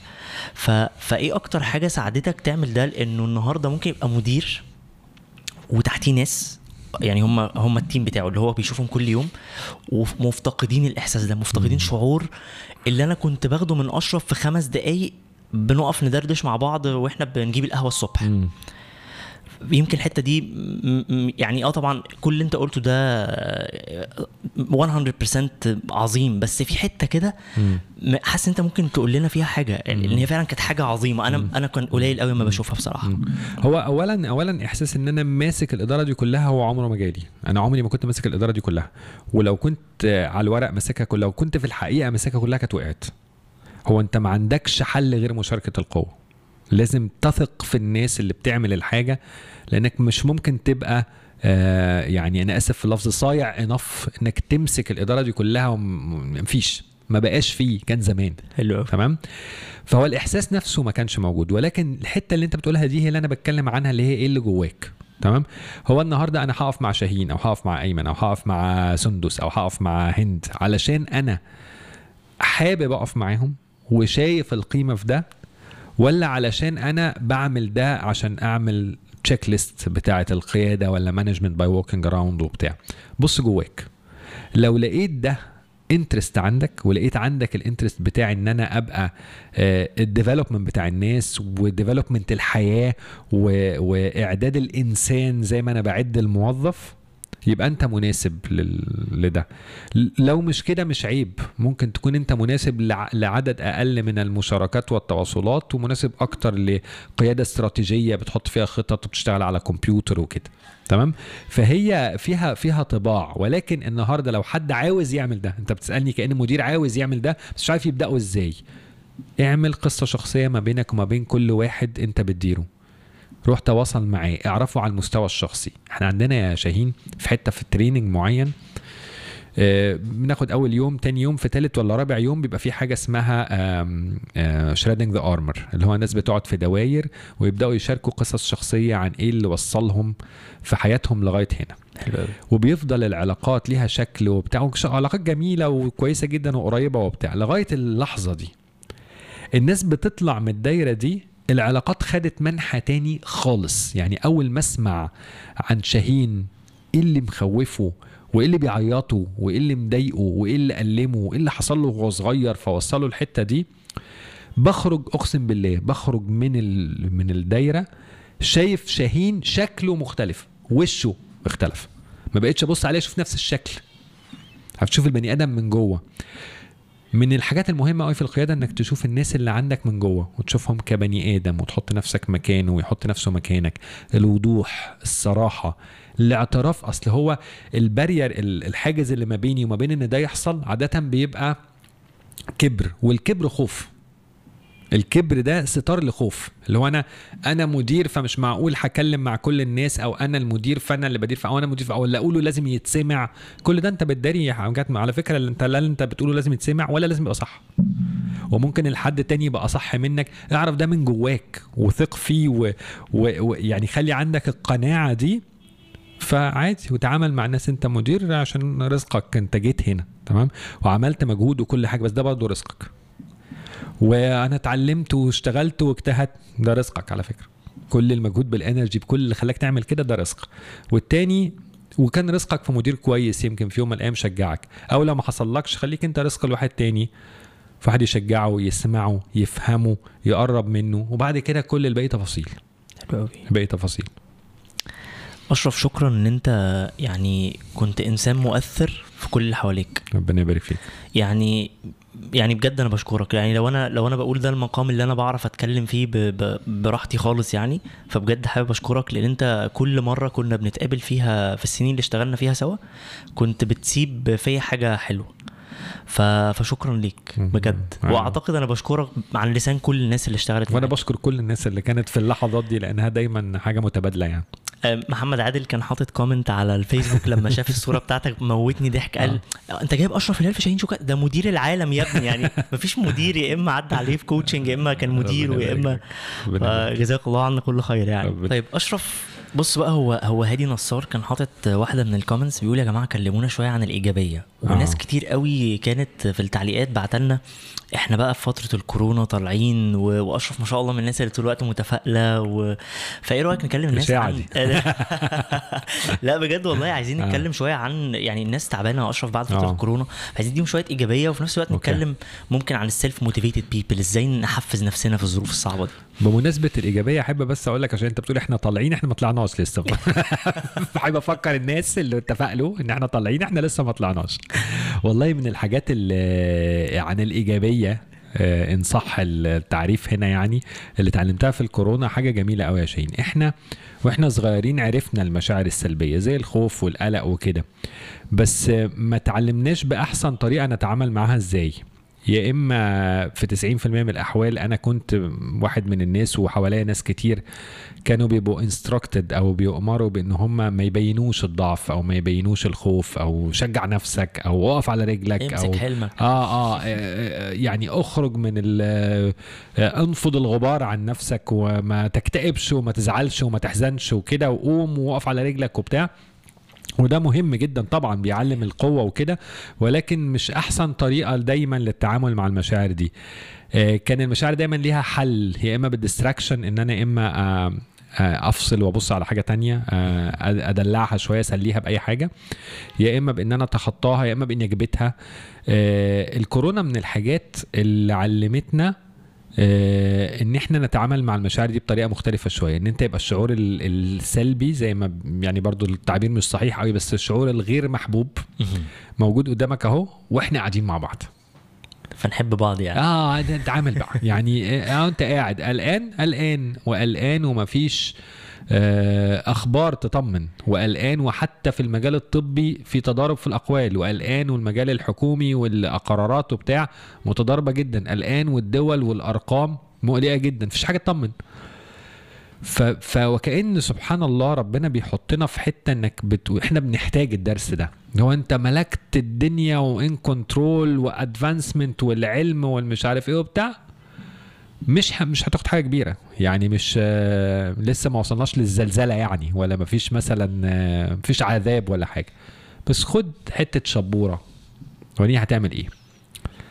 وصلت لإيه تقدم في أنوار العربيات. وصلت لإيه تقدم في وسائل النقل والأمان. وصلت لإيه في الرادارات ومش عارف إيه. خد شوية شبورة وكلمني عن نفسك. تمام؟ طب وعلم وعملنا كل حاجة. ومعدل ال- المتوسط العمر ارتفع بيقولوا دلوقتي في الجيل الجديد وصل ل 100 سنة. آه وكان مش عارف كام و30 سنة من من كام عقد فاتوا. خد كورونا وريني هتعمل إيه. تمام؟ وده درس إحنا محتاجينه جدا. اولا إن الشعور موجود وربنا خلقه لسبب فمش مع مش معنى المشاعر الإيجابية إن يبقى سعيد وكده. دي, دي من الأفكار على فكرة الغلط عن الإيجابية. ومن الأفكار اللي بتخلي الناس تتريق على الإيجابية. ويقول لك اديني شوية إيجابية وانشر المشاعر الإيجابية بس انشر مش عارف القصير قدامه والطويل ورا. عارف النكت دي أنا بحبها جدا. لأن في إيجابية كده بتاعت اللالا لاند على فكرة حتى علميا إنك تحث المتفائل على التفاؤل الزيادة قد يكون خطير. خطير. طبعا. لأنه ما فيش كل حاجة في الدنيا ربنا سبحانه وتعالى خلقها ليها بالانس ليها وضع ليها اتزان. ما فيش حاجة أعلى حاجة فيها تبقى أحسن حاجة. ما فيش. فإحنا نهينا بالسبب ده عن الإسراف حتى في الصلاة. اللي هي أعظم الأمر. تمام؟ يا الصلاة خير موضوع. فمن فمن استطاع فليكثر أو ليستكثر. حلو قوي تمام؟ ومع ذلك لما الرسول صلى الله عليه وسلم نهى الراجل إن لبدنك عليك حقا ان لزوجك عليك حقا. الحديث المعروف نهى عن إيه؟ مش عن الشغل الكتير ولا على الجري ورا الحلم ولا على الهدف ولا على الحاجة حرام ولا عن الإسراف في التسلية ولا الضحك ما خالص. ده نهى عن. ل- وده يبين لنا قد إيه قيمة ال ال ال الوسطية قيمة المساواة. تمام؟ فالتفاؤل والإيجابية هو التعامل بإيجابية مع الموقف اللي أنا فيه مش إن أنا أبقى عايش آه، سعيد عايش سعيد على طول دي مش هنا خلاص يعني دي ما دي. هناك. دي بعد كده إن شاء الله فمنهم شقي وسعيد. إنما هنا مفيش ده. هنا في حياة حقيقية والحياة الحقيقية فيها ناس إيجابيين أكتر من ناس. الإيجابيين دول مش أسعد ولا متفائلين على طول خالص بيقعوا بس بيعرفوا يتفائلوا أسرع. وبيعرفوا يبصوا باتزان برضو لأن في برضو الناحية التانية بقى اللي هو كل حاجة وحشة وكل حاجة متشائم وكل حاجة غلط. ما ده برضو وحش جدا. يعني أنت باملوا ما يسركم. أنت صحيح. مأمور إنك تأمل الحاجة كويسة اللي فيها خير. صحيح. تمام؟ فالبالانس إيجابية الاتزان إيجابية التعامل مع الحاجة مع المشاعر السلبية بعد الاعتراف بيها بإيجابية إيجابية. صحيح. okay؟ لكن مش عدم وجودها. مش إن أنا كبتها مش إنها تبقى مش موجودة مش إن أنا على طول مبسوط وعلى طول مستبشر وعلى طول متفائل لا هتقع زيك زي كل إنسان هتعيا وهتتعب وهت وهتجاهد وهت... وهتتكبد حاجات. الإيجابية في وجود معنى في الحياة أنا بمشي وراه كده كده. مش الإيجابية إن أنا وأنا ماشي وراه أقول لك لا أنا ما بتعبش خالص أو أنا زي الفل أو أنا relaxed أو أنا جميل لا. الإيجابية إن أنا آه، عارف معنى وعارف هدف وعارف غاية ماشي وراها مش لازم امشي وراها بسرعة مش لازم الهدف يكون حاجة بعيدة مش لازم يكون لها علاقة بإن أنا أثر في العالم ولا الكلام ده بس معنى بيحرك حياتي. وبرضه حتى علميا النهارده بيكلمك بيقول لك إنه إيه آه، بعض الأبحاث بتقول إن الناس الأكثر اخذا يعني في دايما واحد بيدي واحد بياخد في الحياة. الناس اللي بتاخد أكتر ممكن يكونوا أسعد. الناس اللي بتستمتع بحياتها أكتر ممكن يكونوا أسعد. They enjoy things بيعملوا حاجات حياتهم حفلة. تمام؟ حلو قوي. آه، أو معاهم فلوس كتير بيقدروا يستمتعوا بيها عندهم كل اللي هم عاوزينه ومش عارف إيه. الحياة دي بتبقى حلوة بس في ال... حتى حسب البحث بس إحنا عارفين كده من غير حتى بحث يعني. ال... القشرة بتاعتها جميلة كده وجوه فاضية. فبتلاقي أمثلة في الآخر زي جيم كاري. وزي الكوميديانات في العالم اللي بينتحروا. في الآخر صحيح. يسعدوا العالم كله. القشرة جميلة قوي بس جوه خاوية. على العكس بقى اللي بيدي عنده معنى عنده ال core ده. ممكن يكون أحزن أكثر حزنا الحزن مش مش عيب على فكرة والفرح مش فضيلة تمام لأن ده برضو فكر أمريكي قوي بتاع إن هو أنت تبقى متضايق ومتضايق إنك متضايق فمكسوف إنك متضايق فعايز تبقى positive لاحسن تبقى negative. فانت بتضيف على نفسك ضغوط فوق ضغوط فوق ضغوط. يعني عندك الضغط وعندك ضغط من إن أنا مش عايز أبين الضغط. أنت إنسان فممكن تحزن وممكن تزعل وممكن مش عارف إيه. المهم عندك معنى. المعنى ده هو اللي هيشيلك وإن كانت القشرة مش مش أحسن حاجة ربنا ي... طبعا مهم إنك تسعد نفسك وتاخد بالك من نفسك وترتاح وتشتغل على عافيتك الشخصية الجسمانية والنفسية وكل ده مهم. بس البحث عن السعادة ما بيوصلهاش. مبقاش عايش هدفي كده السعادة. يعني أنا كنت مرة كاتب الموضوع ده بيقولوا إيه؟ يقول لك إن إن إن الناس كلها الفلاسفة وبتاع وعلماء النفس بيقول لك؟ إن كل إنسان هدفه في الآخر السعادة. قلت لهم هم نسيوني. ليه هدفي في الآخر السعادة؟ السعادة وسيلة مش هدف على فكرة. يعني ليه أنا هدفي في الآخر السعادة في الدنيا؟ مش هدفي في الآخر السعادة لأنه بدليل إن إحنا عندنا دينيا أو شرعا أو أو ساعات بسبب مسؤوليات الحياة بتعمل حاجة أنت عارف إنها مش هتسعدك بس بتعملها لأن هو ده الصح إنك تعمله. صحيح. فانت مش هدفك خالص الأسمى هو مش السعادة هو أنا هستعمل السعادة دي في إيه؟ ولكن السعادة مهمة لأنها ثابت برضو إنها بتخليني في مود أحسن بتخليني أتواصل مع الناس أحسن بتخليني أطيب بتخليني عندي استعداد للمساعدة أنا مش عارف أنا وصلت ليه في الإجابة للحتة دي وما فيش فاكر السؤال لا أنا عايز أرجعك تاني لا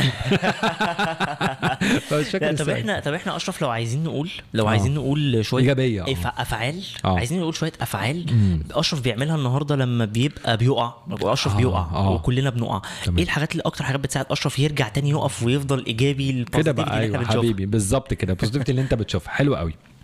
في شوية حاجات أنا شخصيا بعملها. ده مش معناه إنها أحسن نصايح لأن النصايح كتير. حلو قوي. ولكن هبتدي لك بحاجة آه، طبعا أنا اللي بيسندني وده برضو مش يعني يعني من للشهرة وكده اللي بيسندني الإيمان. وده لو عاوزه في العلم موجود ولو عاوزه من تجربتك روح جرب. فالايمان بربنا سبحانه وتعالى الإيمان بإنه ربنا سبحانه وتعالى حكيم وإن كانت أنا خافية عني الحكمة. بفكر نفسي بالكلام ده. يعني بفكر نفسي إن أنا إيه الرفض قوي قوي قوي قوي لما يحدث بيتضمن جوه شوية نقص في الإيمان.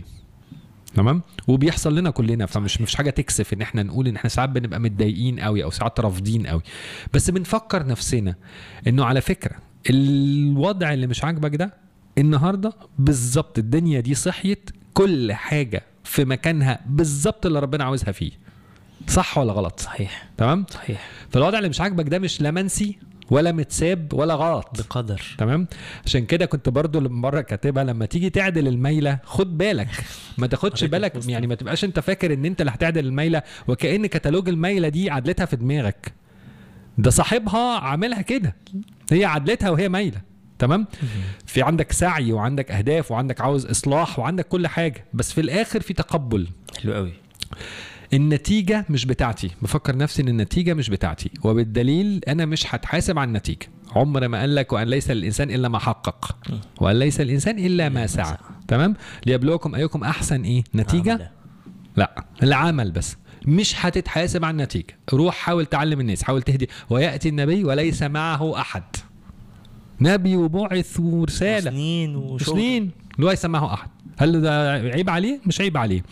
فأنت عليك تسعى مش عليك إنك تبقى تترقى ومش عليك إنك تحقق الفلوس ومش عليك إنك تحقق الشهرة. كل النتائج دي ربنا هيختارها لك حسب الاحسن ليك إن شاء الله. صحيح. تمام؟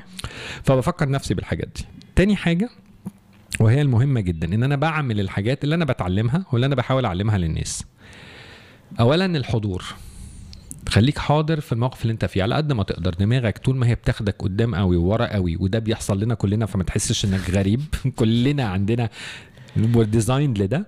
فبنفكر على طول في المشاكل اللي جاية والحاجات اللي فاتت والندم ومحاولة التظبيط بس كل ما تقدر تمرن نفسك ولو لدقائق في اليوم على الحضور دلوقتي كل ما هتكون حالتك النفسية والذهنية أحسن.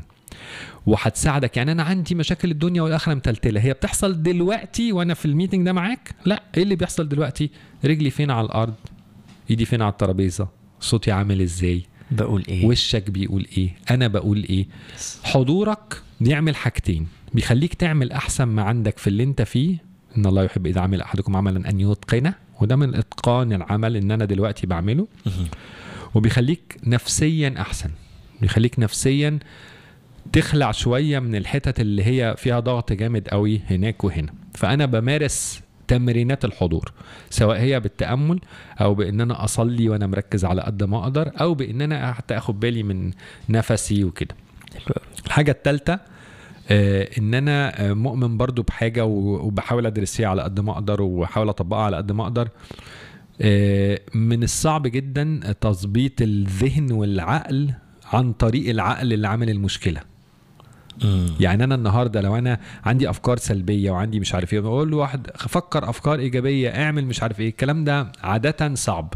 عشان كده ساعات بنحبط من رساله الإيجابية وال life coaches والناس اللي بتقولوا على البتاع يا عم أنت عايش في حتة تانية. يعني أنت مش اللي ايده في المايه مش زي اللي ايده في النار. وأنا خصوصا اللي عنده بعض مش هقول مثلا مكتئب إكلينيكيا بس الناس عندها بعض أعراض الإحباط بعض أعراض الاكتئاب عندها القلق.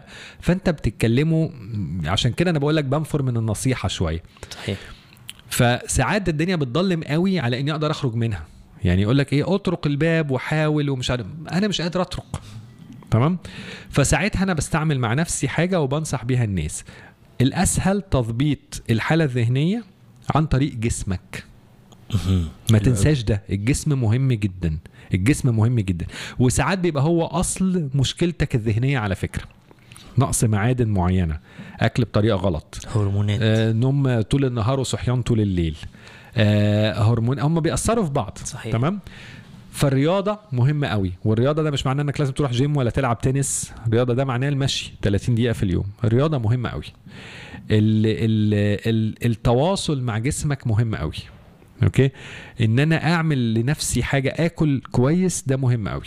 القرارات اللي أنا باخدها في شرب المية ده مهم قوي آه، حتى ولو آه، مجرد إن أنا أعمل stretching ولا أعمل مثلا إيه شوية تمارين إطالة. ضغط جنب السرير. آه بالظبط آه، ال- ال- ال- الحاجات دي مهمة قوي فجسمك مهم قوي دي ناحية. الناحية التانية وضعية الجسم اللي أنا عايش بيها. بيقول لك إيه؟ بال ال ال الأجانب بيقولوها لك how how he carries himself يعني هو جاي عليا؟ كيف يحمل نفسه الشخص ده. حلو فلو إحنا بنتكلم النهارده على القيادة وعلى النجاح وكمان مش عارف إيه أنت كشخص ناجح بتحمل نفسك إزاي؟ وضعية جسمك إيه؟ خلي بالك أنا وأنا بتكلم كده هطلع في الكاميرا. غير وأنا كده غير وأنا كده. تمام؟ صحيح. ده بيأثر فيك وبيأثر في الناس وبيأثر فيك قبل الناس. بمشي إزاي؟ بتحرك إزاي؟ فلو أنت النهارده عندك شوية إحباط أو اكتئاب أو نقص في الإيجابية مثل الإيجابية. ومش قصدي بس مش قصدي بيها الحتة النفاق قصدي طلع الإيجابية من جواك على جسمك. وريني لو أنا أنا ساعات بقول إيه أنا طالع دلوقتي كذا وقلقان ومتضايق وعندي المشكلة دي مضايقاني. طيب هو لو أنا مش قلقان خالص كنت هبقى عامل إزاي؟ عامل كنت. بعمل كده. okay؟ ولو أنا مش قلقان خالص نفسي القصير ده كان هيبقى آه أطول شوية. صوتي كان هيبقى عامل إزاي كده؟ كتافي كانت هتبقى عاملة إزاي كده.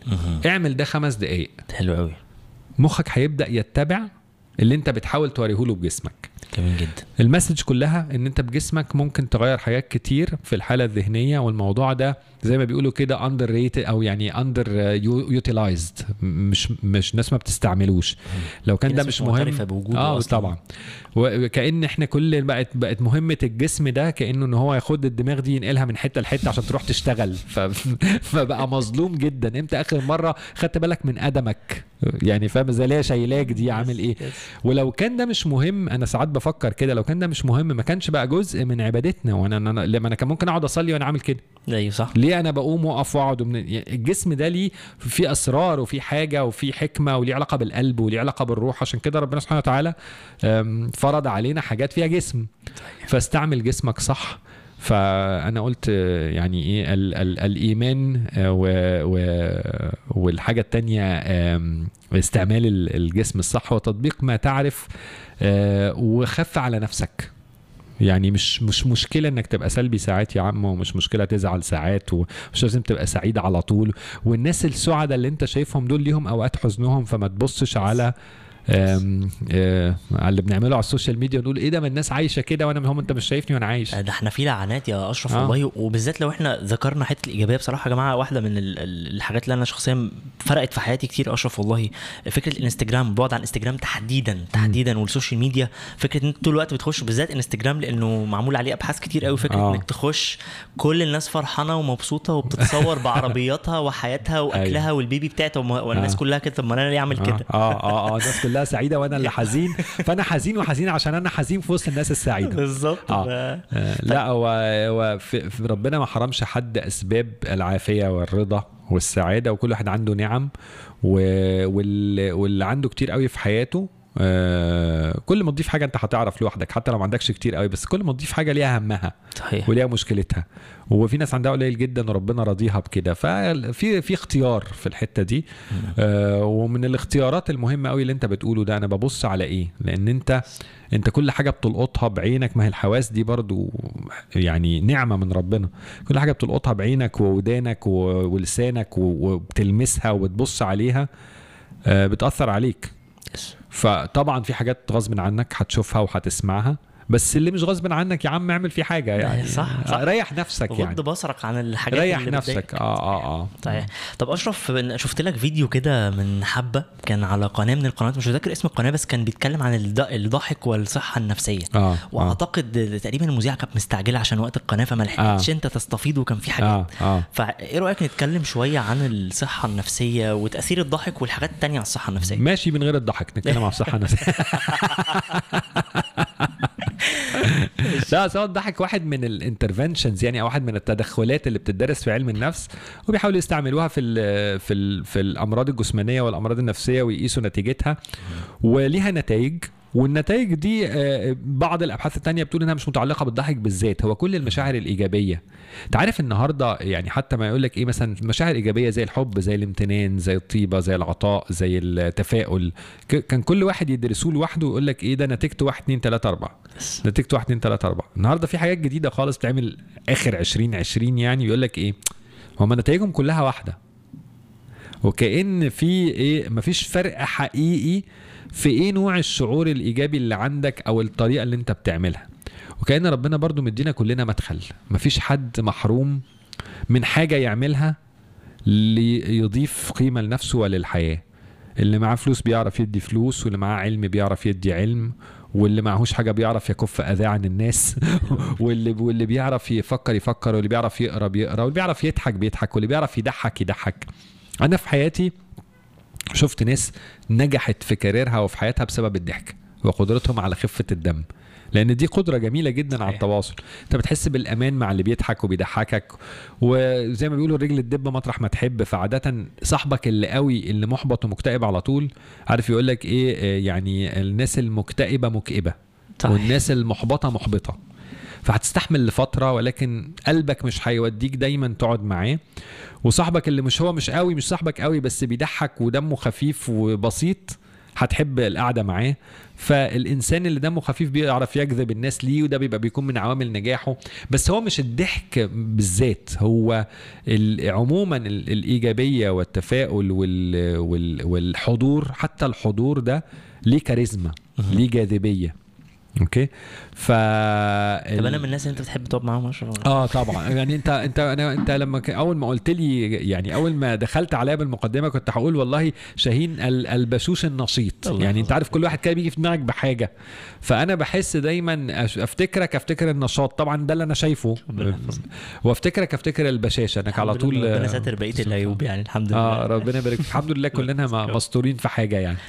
ف آه، ال- ف ف فده ده حاجة من الحاجات. الصحة النفسية آه، من أهم من أهم مشاكل علم النفس أو التحديات اللي علم النفس بيحاول يحلها آه واحدة اسمها مش طبعا مش بتكلم عن حاجات الباثولوجي ما بتكلمش على المشاكل الجسمانية.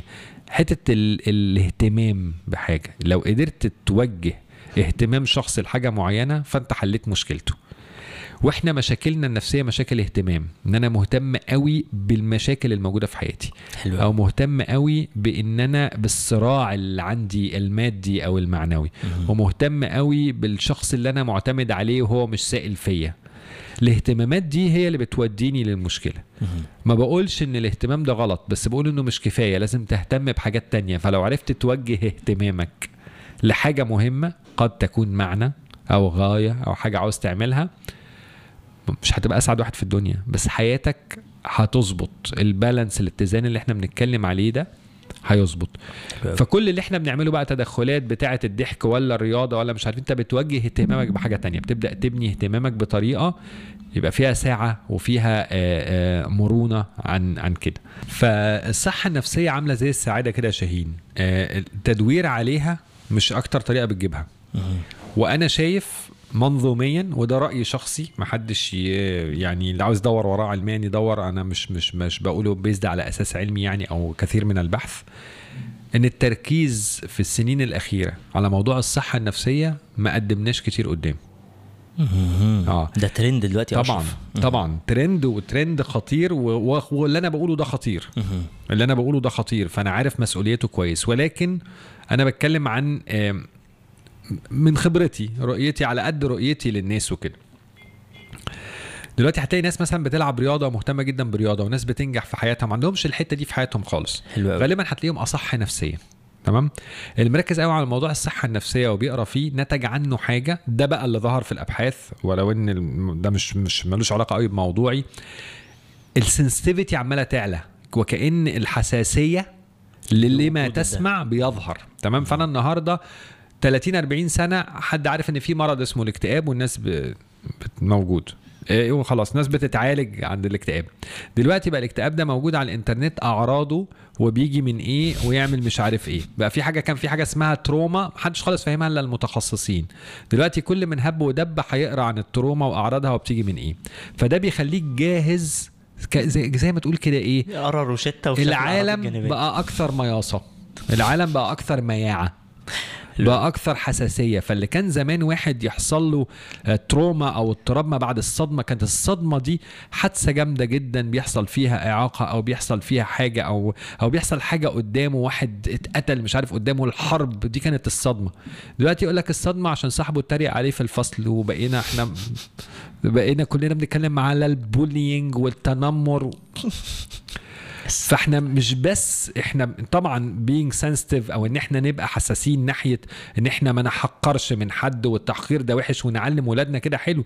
بس إحنا اتربينا بيتلزق لنا الديل وبيتعمل لنا مش عارف إيه وبتاع وكده. مش بقول إن ده كان صح ولكن بقول إن حساسيتنا ليه كانت أقل بكتير جدا. وبقول إن إحنا زي ما بنحارب ظاهرة معينة إحنا بنرفع الحساسية ليها. حلو جدا حلو فلما النهارده بركز قوي على الصحة النفسية فأنا صاحي ونايم وباكل وبشرب وبنام وبقرأ على الفيسبوك والإنستجرام والكتب اللي أنا بقراها عن الصحة النفسية فأنا عمال ضمنيا بقول لنفسي إيه أنا لست صحيحا بعد. وكأني بقول إيه يعني إيه أبقى سوي؟ عارف الأسئلة اللي بتيجي كتير قوي يعني إيه أبقى سوي نفسيا؟ أنا عايز أبقى سوي نفسيا. وتعمل مش عارف إيه وتقرأ إيه وتعمل ال gratitude list بتاعك وتعمل كده وتكتب و journaling هتقضي حياتك بتبحث عن حاجة طب قول لي لما توصل لها هتعمل بيها إيه يعني؟ حلو قوي. في حين إن هي مش موجودة في الحتة اللي أنت بتدور فيها. فده مش معناه إني ما أقراش وما أتعلمش القراية والتعليم والاهتمام بالموضوع. حلو جدا ولكن برضه باتزان. حلو قوي. ما تأفورش كتره يعني. ما تأفورش في أي حاجة. ما تأفورش في أي حاجة أرجوك. عشان يعني زي واحد يقول لي إيه أنا لسه واحد صاحبنا من كام يوم يعني. لو سمحت عاوز كتب عن التربية. قلت له أنت عندك مشكلة؟ هو أب كويس جدا. لا ما عنديش مشكلة بس عايز أبقى متعلم. قلت له ماشي خدها بس خد ده من باب التعليم. لو سمحت ما تلبسش ال obsession أو ال- الوسواس القهري بتاع إني لو أنا ما خدتش دبلومة في التربية الإيجابية مش هعرف أربي. على فكرة أنت اتربيت غير كده وأبوك اتربى غير كده. وزمان وعندك دين وعندك شرع وعندك values وعندك قيم. ده مش بق... ما بقولش يعني أرجو إنه ما يتفهمش إن أنا بقول للناس ما تحصلش العلم ولكن آه، في حاجة اسمها في ظاهرة كده اتعلمناها في الأنثروبولوجي في في في علوم الإنسان. بيقول لك إيه؟ psychologism أو ديانة السايكولوجي. بقت كل حاجة نفسية زي برضو بالثقافه أمريكية كده اللي هي ده كذا وده كذا وده عمل وده ما عملش وبتاع. الحنتفة دي التفعيص ده مش من النضج يعني. وإن كان هو معلومات ولكنه مش من الحكمة في وجهة نظري. والمعرفة اللي, اللي أنت واخد بالك من نفسك فيها وعلى قد اللي أنت محتاجه هو ده اللي انت محتاجه. طيب أشرف انت ما شاء الله اللهم بارك بمناسبة انت ذكرت من شوية موضوع التربية والأب اللي سألك على كتاب للتربية ما شاء الله اللهم بارك انت أب لست أولاد وبنات لو أنا بقول صح؟ صحيح. و... وعندك خبرة كبيرة اللهم بارك في التربية ودايما أنا بقرأ لك post صراحة ال posts بس بس بتاعتك بتفيدني. آه، فعندك خبرة ما شاء الله علمية وعملية. فإيه رأيك شوية نتكلم عن التربية و... وشو نقول شوية حاجات مش هقول لك نصايح عشان ما تحبش النصايح آه. نقول شوية حاجات للآباء و... تمام. والأمهات في تربية ابنائهم يعني تمام والله يا طبعا التربية من هي من أعظم. مش المهن الأدوار في الحياة يعني آه، فسواء أب أو أم أنا مجرد ما أنا بشوف كده أب أو أم في الشارع معاهم عيال صغيرة ببدأ قلبي يبقى معاهم يعني متعاطف معاهم قدامهم حاسس بيهم. آه حاسس بيهم وكده وبتاع. وبعدين أنا إيه كنت في فترة من فترات بقول إيه ده يا لسه قدامهم كتير وباخدها كده من وجهة نظر عنجهية شوية. وبعدين ربنا اديني الصغيرين فما بقيت أنا كمان قدامي كتير فعديت كتير وقدامي كتير. فأنا عندي آه، مجموع الأعمار ما بين 22 لغاية 7 ما شاء الله. آه، والأعمار ما بينهم كتير يعني ولاد وبنات زي ما أنت قلت. والحمد لله هم أصحابي وعندنا علاقة مع بعض فأكبر نصيحة أنا أحب أديها لو في هنا نصيحة إنك ما تخليش ال ال يعني في في أولويات في التربية أنت عاوز توفر المال وعاوز توفر الحياة وعايز توفر ال الأمان وعايز صحيح. صحيح. توفر الكلام ده كله آه، اولا أهم أهم نصايح التربية في اللي لسه ما اتجوزش حلو الكلام آه. ده آه مش عاوز مش عاوز استنى اتجوز وبعدين إيه مش عارف إيه. فيا أيها الأب اختار الأم. حلو قوي اختار الأم اللي هتربي. في مميزات كتيرة جدا في الست والنهاردة بتتجوز الناس على حاجات كتير. بس اعرف إنك إن شاء الله لما يبقى عندك ولاد هتبقى نفسك في الأم اللي بتربي فربنا يرزقك بيها. فاختار الأم اللي بتربي. يعني الست القوية الأصيلة المربية اللي عندها مبادئ اللي كده. وربنا يديك معاها كل المميزات التانية إن شاء الله. والأم نفس الموضوع. بيختاري الأب عشان مش أي أب لأن هو الموضوع مش بيولوجي مش حمل وولادة وكده ومش عارف إيه. الأب برضو اللي إيه بتشاركوا مع بعض آه، غايات وأهداف معينة وعاوزين ولادكم يتربوا بطريقة معينة فاختاري الأب. آه، فدي تاني نصيحة. آه، وأعد نفسك لإنك تبقى أب واعدي نفسك إنك تبقي أم. فممكن النهارده بالذات في شباب أنا بتكلم على مستوى آه، ممكن اجتماعي أو مادي معين. في شباب مستريح خلاص بقى بيتعلم على الإنترنت وبيتعلم أسهل ما كنا بنتعلم وتعلم تعليم عالي جدا إحنا ما كناش نحلم بيه. أنا اتعلمته بعد 20 سنة شغل عشان أوصل للحاجات اللي هم النهارده بيعملوها و presentation skills و agility. وبيفكروا من الجامعة خلاص بيخرجوا جاهزين.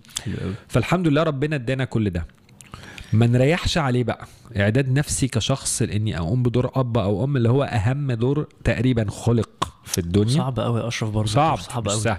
ومحتاج الإعداد. والإعداد ده مش معناه إني أروح أقرأ كتب. يعني أنا مش مش اللي هنا مش اللي أنا بقوله إن أنا على الكتب بس. أعد نفسي شخصيا لمسؤولية إن أنا أبقى أب أو أم. فأنا النهارده ب... ما... ما ب... مش معترض على إن الشباب يبقى حياتهم فيها ضحك ولعب وفرفشة وأنا كنت عايش الحياة دي. بس معاها إيه؟ يعني أنا النهارده آه، ايتها الآنسة الجميلة المحترمة بنت الناس اللي عايشة آه، مستريحة. مستغلة وقت راحتك في إيه؟ انت ما تبقي أم وزوجة مش هتبقي أم وزوجة عشان انت دلوعة وجميلة ودمك خفيف ولذيذة والحياة فن كل ده حلو جدا ومهم جدا في علاقتك اللي جاية. بس كمان ثقافتك إيه؟ وعلمك إيه؟ ودينك عامل إزاي؟ وشخصيتك مبنية إزاي؟ وكده. وممكن الوقت ده يستغل في الحتة دي. يعني اديني ساعة في اليوم اديني نص ساعة في اليوم بتقري في حاجة بتتعلمي في حاجة بتحفظي حاجة بتدرسي حاجة. حلو قوي. لأن ده هيكون شخصية هتبقي بيها أم فهتتعدى فايدتها ليكي والأب نفس الموضوع. جميل. فدي نصايح اللي قبل كده. خلفنا بقى اعرف إنك هتتعب. واعرف إن التربية مش سهلة واعرف إن كل الكتب اللي في الدنيا ما بتحلش المشاكل فهتطلع تربية سموث والتربية بالظبط بالظبط زي بتاعت سمير غانم عاملة زي تلم البنطلون الجاكيتة تضرب. تلم الجاكيتة البنطلون يضرب. شكرا؟ أشرف والله. الحكمة لا عارف زي ما بقول لك النهارده لسه كاتب على تويتر إيه عارف يقول لك من أكثر الحاجات الحكيمة اللي سمعتها في حياتك من أكثر الفلسفات الحكيمة اللي سمعتها في حياتي اللي هو السؤال الفزورة بتاعت هو النخلة أطول ولا القطر أسرع؟ ليه بقى؟ عشان إجابته إن هي المانجا أحلى. أنت عارف أقول لك الاجابه المانجا أحلى. دي فلسفة جميلة جدا. عارف ليه؟ بتعبر عن أنا دماغي فين؟ ال attention بتاعي إيه؟ أوكي؟ فهم كلهم موجودين. النخلة طويلة والقطر سريع بس كل واحد ليه مميزاته وعيوبه. فأنا النهارده الاب الآباء يا عيني وكلنا وأنا مع وأنا يا عيني معاهم انت لما قلت مثال الجاكيته يا اشرف أنا حسيت بيك قوي يعني طبعاً. اتاثرت أنا عايز أبقى. رفيق وصديق ومش عارف في ع- اولا في منظومة بتربي مش أنت. في عالم وفي إنترنت وفي يوتيوب وفي مش عارف إيه. منعتها. أنا مانع قوي فهيفلتوا ويروحوا يعملوا الحاجات من ورايا. وفرتها. أنا موفر قوي فده دلع ومش عارف إيه وبتاع. رفق إيه ده؟ ده دلع وحنية زيادة ومش عارف إيه. شد ده ما بقاش وقت شد ومش عارف إيه. نتصاحب يبدأ يعاملك على إنك واحد صاحبه على القهوة.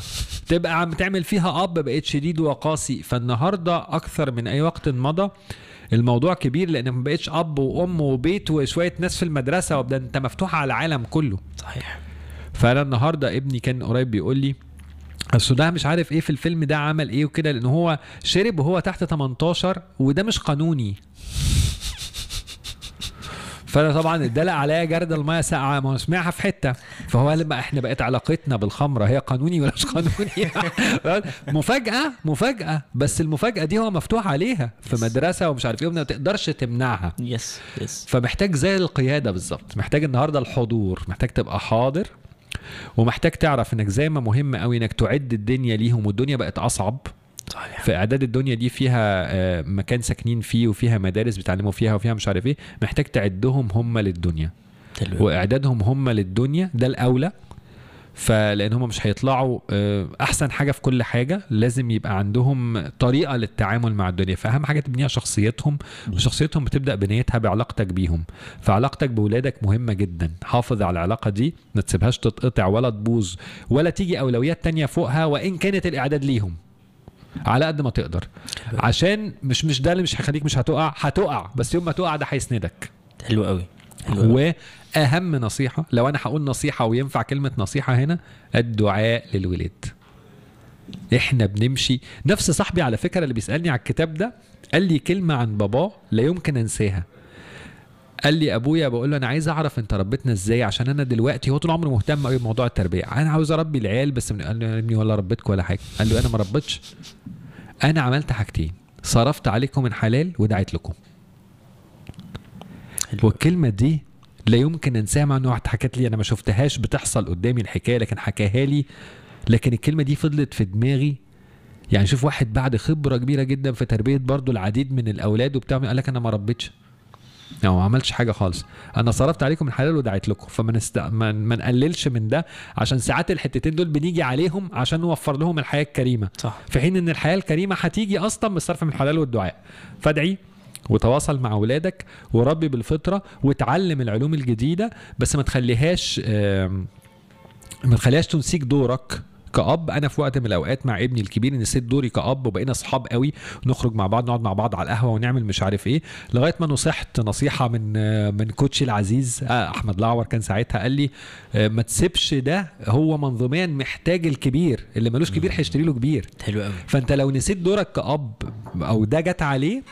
اللي هيحصل إن أنا هاجي الناحية التانية وهيفتقده فهيدور عليه بره. صحيح. تمام؟ صحيح. فإيه ده؟ آه ده أب الأب ده بيقفش والأب ده بيزعل والأب ده بيزعق والأب ده بيحط قوانين وممكن نبقى أصحاب كمان. فتفضل التربية عاملة كده يا شيء يعني عاملة زي المرجع مش هتقف كده لازم تفضل رايح جاي رايح جاي وبتجرب يعني. أنا بتمرجح كده برضو وأنت أول ما قلت. الجاكيتة بتضرب والبنطلون كنت مستني بقى أشرف على كتير. أنا أول واحد تعبان يا أشرف قول يا أشرف. ده أكبر حد عندك كام؟ لا أنا عندي بنوتة واحدة ولسه شعري فيها يا فعمال رب. عمال أفكر طب أمال إحنا أهالينا بقى اللي كان عندهم لا ثلاثة وأربعة لسه لسه وخمسة لسه لسه المرجحة جاية إن شاء الله. ديها سن بس كده ولا تنتهي سبحان الله. ما يقول لك أنت ما هي حاجة في هنا حاجة غريبة جدا. العيال دي لما بتتولد انت كأن حتة من جسمك اتقطعت وبقت قدامك. بتحس إحساس عمرك ما هتعرفه فعلا. زي ما كان الأبهات بيقولوا إحنا حاسين ده كليشيه. لما تخلف بكرة تعرف آه لما بتخلف بتعرف فعلا. صحيح. حاجة اتقطعت من جسمك بقت قدامك ماشية. ده ده قدر حبك ليها واهتمامك بيها. ويفضل كده بقى طول حياته ويكبر ويبقى له قرار و... وحي... و... وانت عاوز بقى تتعامل بقى معاه زي المدير وتقول إيه ياخد قراره ويتعلم منه. طبعا الكلام ده الأبهات والأمهات خوف شديد قلق شديد بس إحنا الحمد لله عندنا من الحكمة إحنا كإنسان كمخلوق ال- البني آدم يعني عنده آه، حاجة فوق المشاعر يعني. لو مشاعري الخوف قوي والقلق قوي ما سيبهاش تتحكم فيا قوي لأن لازم يتشجعوا شوية و... كل أب وأم كمان لازم يتفرجوا على فيلم نيمو على فكرة. كل أب وأم لازم يتفرجوا على فيلم Finding Nemo و Finding Dory الاثنين حلو قوي. وكل مدير لازم يتفرج على Monsters اللي هم شركة المرعبين. شركة المرعبين المحدودة آه، حلو قوي طبعا آه أفلام الكرتون مؤثرة آه. آه، طبعا طبعا. وده من مميزات العيال على فكرة أنا كنت بتفرج معاهم مرة جبت فيلم فاكر أنا وعمر صغير حد قال لي ده فيلم تحفة وادوني في الشغل اللي هو Spirit Stallion of the Cimarron اللي أيوة، هو أيوة. ورحت كان عمر خمس سنين فما كانش فاهم قوي طبعا الفيلم فيه فلسفة وكده. فاكر إن أنا شغلته على اللابتوب وقعدنا مع بعض هو خمس دقايق وقام وأنا فضلت قاعد لآخر الفيلم وعيطت. فمراتي قالت انت بتعيط على فيلم كرتون؟ آه تخيلي. أنا ممكن أشوف حاجات مأساوية جدا وما اعيطش أنا مش. emotional قوي كده بس. الفيلم ده أثر فيا جدا. أشرف بس أنت أنا عايز أقول لك حاجة. أنا أنا بحس إن التربية كانت زمان أسهل. مش ع... يعني ما أعرفش أنا بحس بحس إحساس إنه أهالينا ربونا أسهل ما إحنا النهارده. أنا بقول لك أنا عندي بنوتة واحدة أربع سنين وحاسس إنه. بتقول لي كلام ساعات أنا بقى إيه هو إيه ده انت انت ليه عارفة ده دلوقتي أنا ما عرفتوش غير وأنا كبير آه. يعني ليه عارفة الآيباد وليه بتتعاملي آه. مع ال technology. والحاجات دي فأنا. فحس إن الموضوع بقى متقدم ومحتاجنا إحنا كمان نبقى متقدمين طبعا محتاج إن إحنا نبقى متقدمين وهو ما هي شاهين فكرة كان أسهل وكان أصعب هي مش تربية بالذات هي الدنيا كلها إحنا صعبناها على نفسنا صحيح هو في كل ما آه، تقدمنا فيه أضفنا صعوبة و complexity على الحياة. عشان كده النهارده في حركات في العالم عن الزهد وال minimalism وتقليل صح. ال ال الزيادات في الحياة والتخلص من الكوبايات الزيادة في البيت والكراكيب و... عشان نرجع آه عشان نرجع لإن إحنا نفضي لأن هو ده مجهود ذهني جامد قوي. مش إحنا مش متعودين عليه. إحنا بناكل ونشرب وننام ونشتغل ونعمل مش عارف كل الحاجات دي ذهننا قادر عليها. لكن الزحمة والدوشة والإنستجرام وال social media في وسط اليوم مع كل اللي أنت بتحاول تقوله ده علينا وعلى العيال كتير. فالدنيا صعبة ومحتاج الأب الحاضر اللي يمسك نفسه كده. زي ما أنا ساعه ما سبت الشغل عارف عملت نفسي إن أنا فاهم؟ فمحتاج تعمل نفسك إن أنت كده إيه؟ إن أنا كمان إن شاء الله كله هيبقى كويس. بص؟ لنفسك أنا أب. وارجع بقى للنصائح الكبيرة بقى إن الله رفيق يحب الرفق و... و... و... وإن أنت تربي ولادك على العقيده وتربي ولادك على الدين لأنه ما لهمش يعني حتى لو أنت مش حابب نفسك يا أخي حبهم هم. يعني على قد ما تقدر. فهي مش صعبة. انت لسه ممكن تقعد مع ابنك في السن ده وتعلمه حاجة وغالبا هيتأثر بيك وبنتك هتتأثر بيك أكتر فجود نيوز إن شاء الله أكتر من الولد يعني. حلو قوي. آه. لكن آه، إحنا بنصعب على نفسنا الدنيا.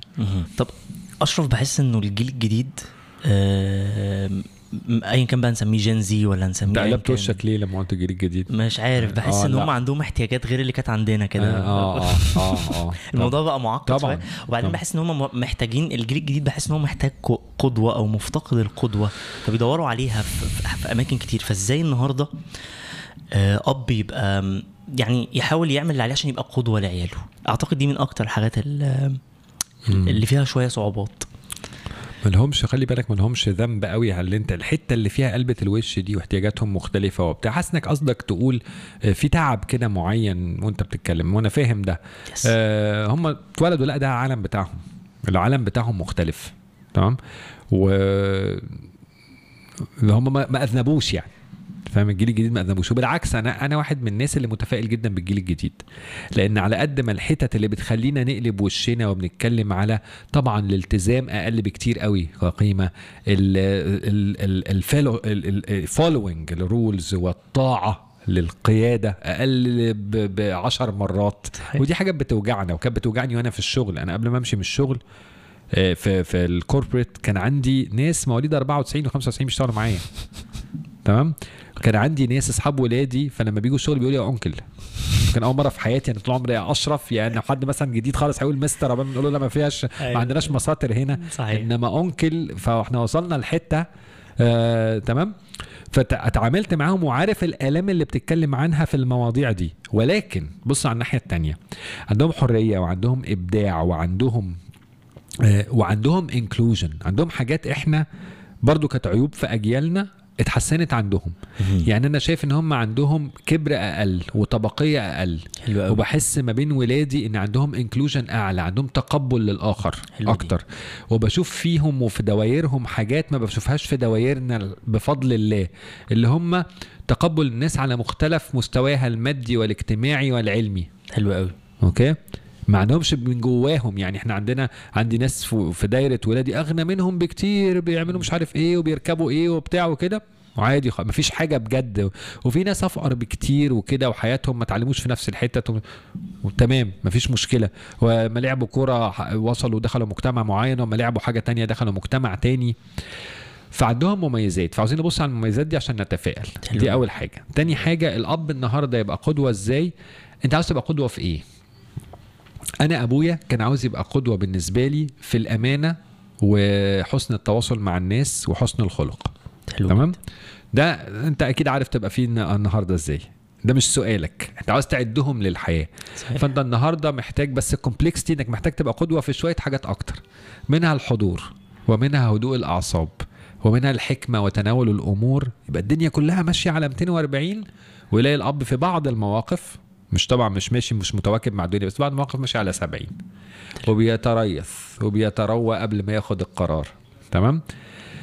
فده ال ال ده اللي إحنا محتاجين نوصله. يعني محتاجين نبقى حاضرين عشان نعرفه أصلا يا شاهين. يعني عارف زي ما بيقول لك إيه؟ تعلية الصوت وحشة. ما تعليش صوتك يا ابني. فاهم إزاي؟ أنت كده مش حاضر خالص. Yes. لأن أنت بتشرح له إزاي اعلي صوت ودانه بتسمع ال content بتاع ما تعليش صوتك بس كل ال system التاني سامع صوت عالي. yes فبقى الحل المفهوم بالنسبة له خصوصا في السن الصغير إنه لغاية ما يكبر ويختار بقى بس طبعا هيبقى الاختيار عنده أصعب لو اتعلم كده. بقى الحل بالنسبة له إن في الموقف اللي فيه حاجة بتضايقني اولا تعليه الصوت. بقى الحاجة التانية إن أنا ممكن أقول حاجة وأعمل عكسها.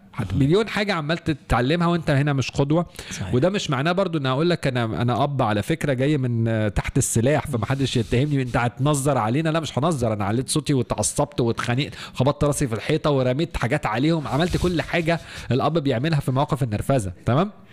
النهارده بنضحك عليها لأن العلاقة كويسة.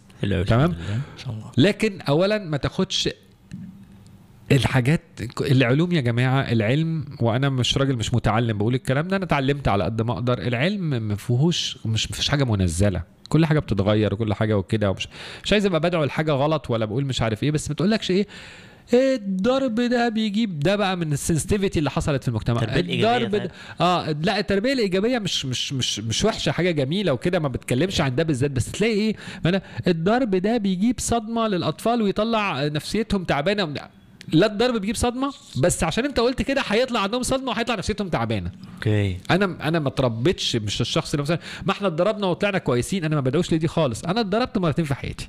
لا يمكن أنساهم. ولو أبويا النهارده عايش هبوس إيده عليهم. من أحلى الحاجات اللي عملها لي. لا هي. صدمة ولا تعبت لي أعصابي ولا عملت مش عارف. بس لو كانوا قالوا لي من وأنا صغير لو عملت كده هتطلع مكتئب وتعبان نفسيا كنت هطلع مكتئب وتعبان نفسيا. فخلوا بالكم التربية فيها فطرة والقدوة دي فيها فطرة.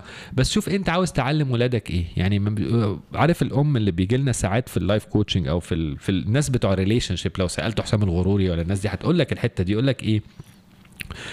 ما أنا دلوقتي لو سبت ولادي في سن هي جوزها مثلا هي ومفيش منهم توفيق. هو الطلاق حلال ومش عارف تعمل ولا لا ما أقدرش لأنه كده يا إما عشان نظرة المجتمع ليا ماشي يا إما عشان ولادي وأسيب ولادي ومش عارف إيه. طبعا لازم تتراوي ولازم تاخدي القرار بالراحة وبتاع بس لازم تعرفي كمان إيه القدوة اللي انت بتقوليها لاولادك تمام؟ أنا عايز أبقى قدوة ليهم في التضحية بنفسي والتنازل عن كرامتي ساعات عن ديني ساعات عن مش عارف إيه عشان أحافظ عليكم. اختاري. ولا عايزة تبقي قدوة في إن أنا ممكن أقف موقف قوي وأبدأ الحياة من أول وجديد وأعمل حاجة برضو لمصلحتكم بس من ناحية تانية؟ ما أنت قدوة في حاجة. انت قدوة في حاجة.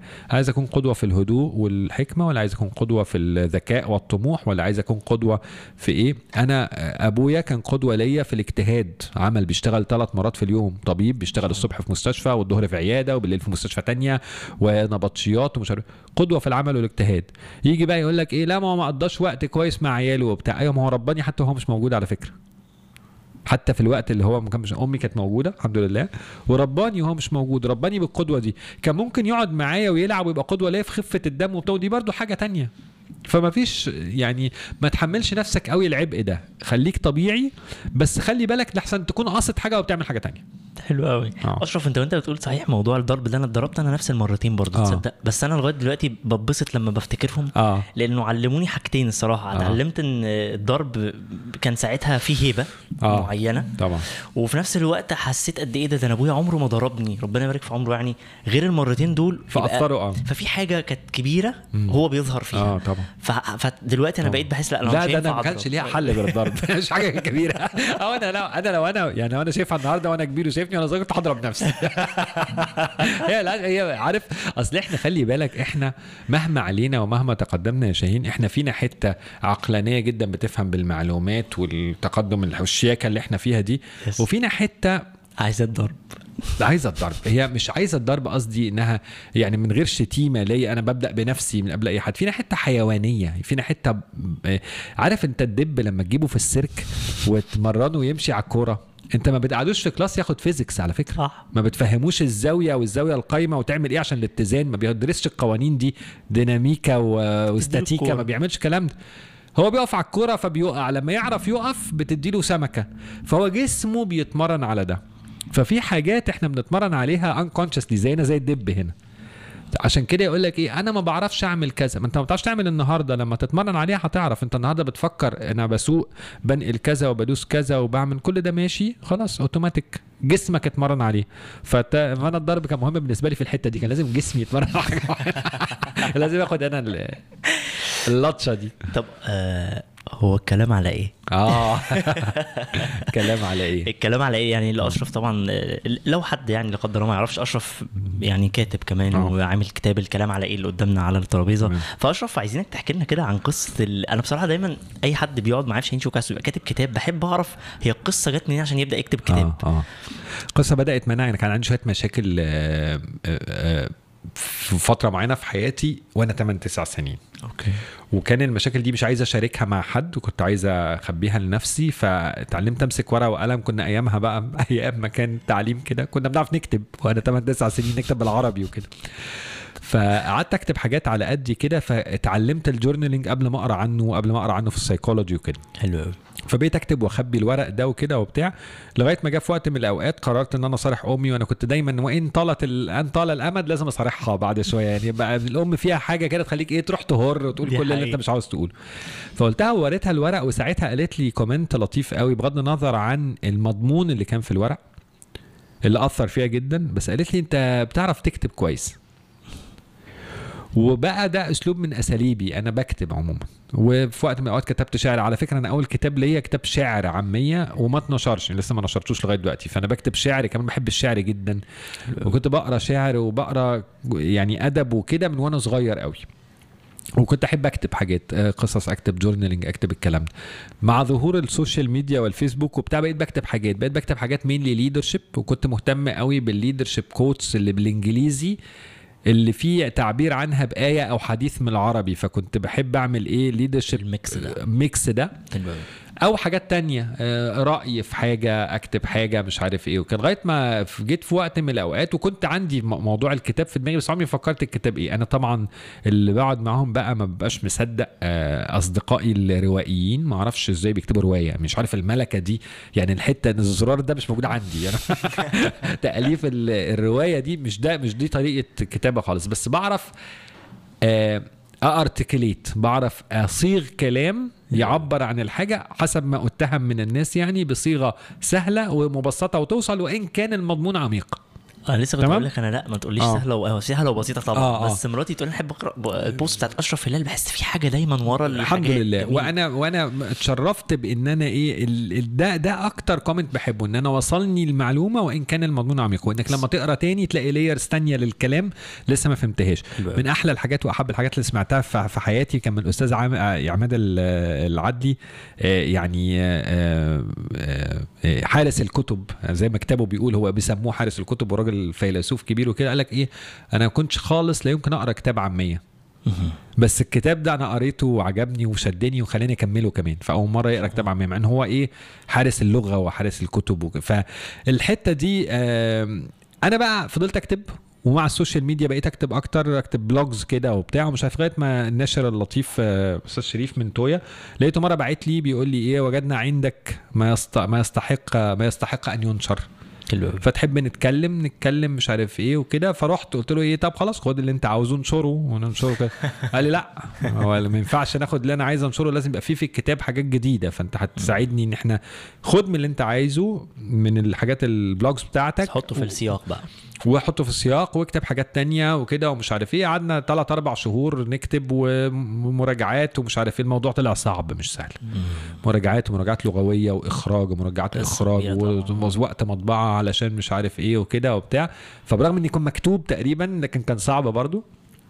وكتبت بقى كتبته حتى ما حد بيسألني هو كتاب إيه ما بعرفش أجاوب. أنا مش عارف هو مش عارف والله والله ما أعرف هو كتاب إيه. يعني هل هو كتاب هو أنا حتى كاتب في المقدمة هو مش كتاب علم نفس لأنه هو ما فيهوش علم تمام؟ ومش كتاب فلسفة لأن الفلسفة عادة بتبقى صعبة جدا فمش عايز أنفر الناس منه. آه هو كتاب هو كتاب فلسفة مبسطة. يعني كتاب أفكاري عن الحياة جاية من تجاربي الشخصية ساعات من العلم ساعات من الحاجات اللي اتعلمتها. ساعات من الكوتشنج وتجاربي فيه. حقيقة لا أتنصل منها مدعوم مش بدين مش مدعوم بالشرع يعني والحاجات الشرعية والفقهية وكده ولكن مدعوم بإيمان. حلو قوي. ولما بتسأل حد مرة يعني قال لي انت كتابك المفروض يوصل لناس كتير وبيوصل للشباب فانت اللمحة الدينية اللي فيه مع ان اللمحة الدينية دي عبارة عن إن شاء الله مثلا أو كده يعني ما فيهاش حاجة. آه، وهاجمني جامد جدا واحد ناقد يعني وقال لي آه، المفروض إن أنت تخليه مش موجودة عشان الناس توصل للناس كلها. قلت له ليه؟ ما أنا أنا ده ال background بتاعي واللي عاوز. يقرأ لي كده يقرأ لي كده. إحنا بنقرأ Power of Now قوة الآن. آه، وال background ليه دين تاني وال background الديني باين جدا عند اللي أنت اخر عايزه. طال وخد اللي انت عايزه صحيح. آه، وخد من الحكمة اللي انت عايزه يعني. ففي الحتة دي بس مش مش مش حواليها الموضوع في شوية تهريج. ف آه طلعت اللي جوايا يعني. حلو قوي. طب بس انت يعني شاركت في ت- التجارب بتاعتك الشخصية في في في جوانب مختلفة من الحياة؟ بعض. بعض الأوقات. ولكن ال... في الأفكار المجردة في أكتر. من الجوانب يعني في هتلاقي مثلا قصص من المدرسة قصص أنا وأختي كنا بنعمل إيه في البيت وإحنا صغيرين. حلو قوي. والنهاردة العلم حصل إيه فيها بقى؟ يعني ما اتعلمت لقيت إن ده معناه إيه نفسيا أو معناه إيه في حياتي أو علمني إيه في الحياة. وفي حاجات تانية أفكار تانية مجردة. آه عن الحرية. أنا مفهوم الحرية شاغلني قوي مفهوم الحرية آه بمعناها ال- الأكبر يعني. عن التفاؤل عن النجاح يعني إيه؟ عن السعادة يعني إيه؟ عن ال- الحزن يعني إيه؟ عن شوية أبحاث علمية زي ما مثلا عن وضعية الجسم في وقت من الأوقات طريقة الكلام في وقت من الأوقات طريقة التفكير. حلو قوي. آه، دايما أشرف بتتكلم عن الشغف والحلم والهدف و... ف... فيعني صراحة في ناس كتير قوي كانت بعت أسئلة ليها علاقة بإزاي ألاقي هدفي وأدور على حلمي وأحافظ على شغفي. ف... أنا أنا دايما بتكلم عنهم كلام وحش. لو لو ده قصدك يعني. بالعكس أنا بحاول أتجنب الحديث عن الموضة دي. لأنه برضو زي ما انت قلت كده شوف ليها علاقة كمان يا شاهين باللي انت قلته عن الأجيال الجديدة و... وعلى قد ما إحنا بنشوف مشاكلهم لكن إحنا مش شايفين ال- الظلم الواقع عليهم.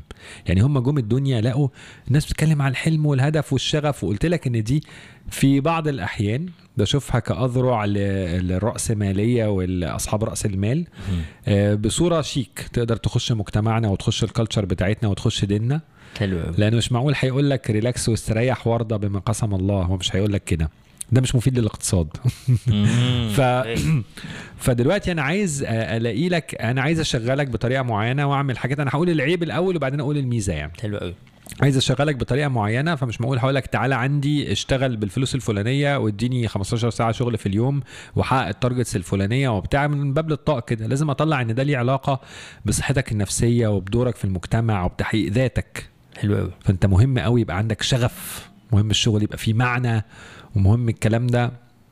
الكلام ده مهم وحلو وثابت أثره على الصحة النفسية ولكن هو مش دينك هو مش الشرع اللي انت عايش عليه ومفيش أي حاجة عيب في إنك بتبقى بتشتغل شغلانة بتاكل منها عيش وبتأكل ولادك من حلال وشغفك في حتة تانية.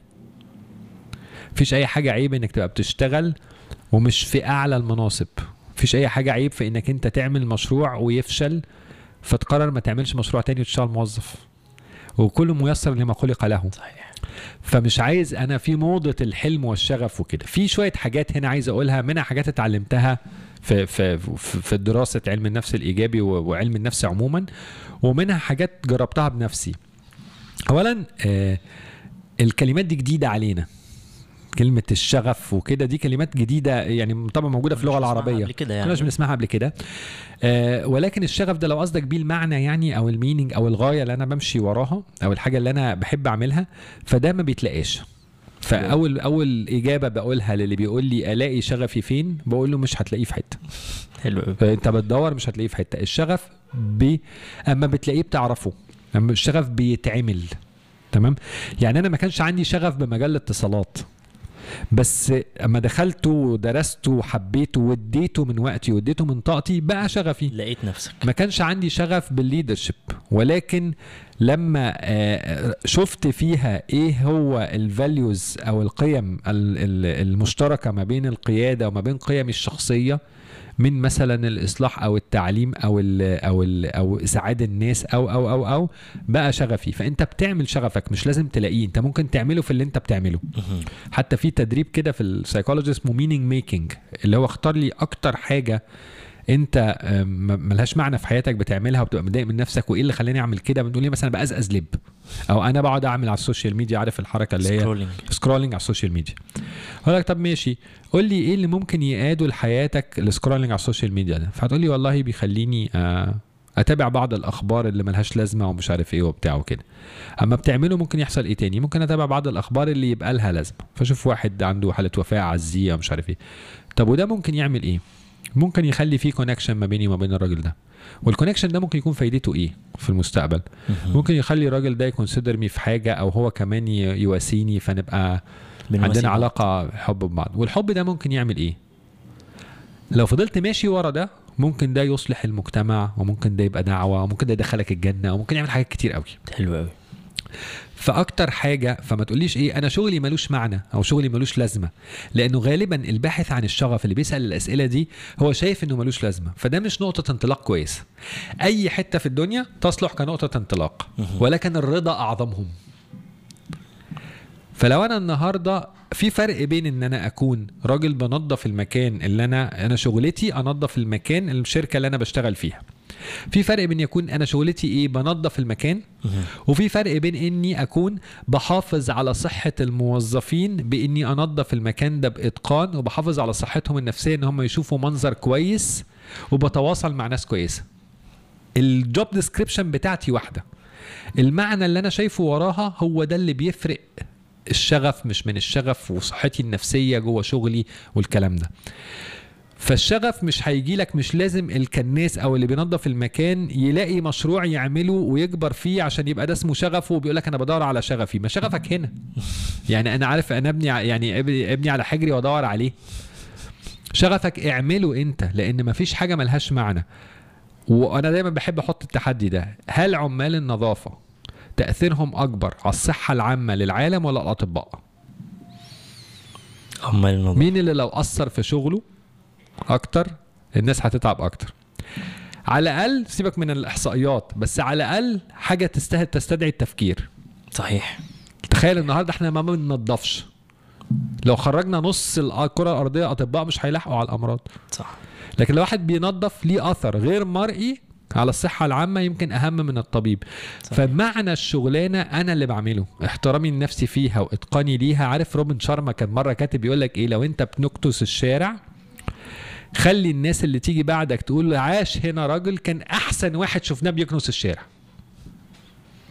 وانت هتلاقي في حياتك أمثلة لناس كتير جدا انت مش مهم خالص درجتهم ال ال ال الوظيفية ولا آه، فلوسهم ولا مش عارف انت هتحترمه عشان هو بيحترم نفسه عشان هو بيحترم مكانه. فالشغف مش بيتلاقى بيتعمل. تمام؟ اعمل شغفك بإنك تلاقي معنى للي انت بتعمله.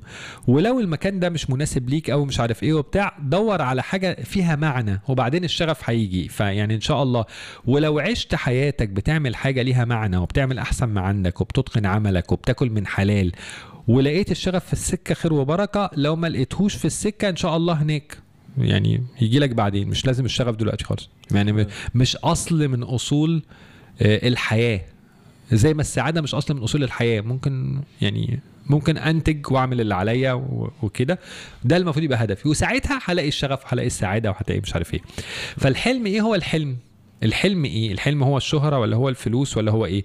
في علم النفس ال ال الإيجابي الأبحاث عن بناء ال ال الأهداف أو تحديد الأهداف.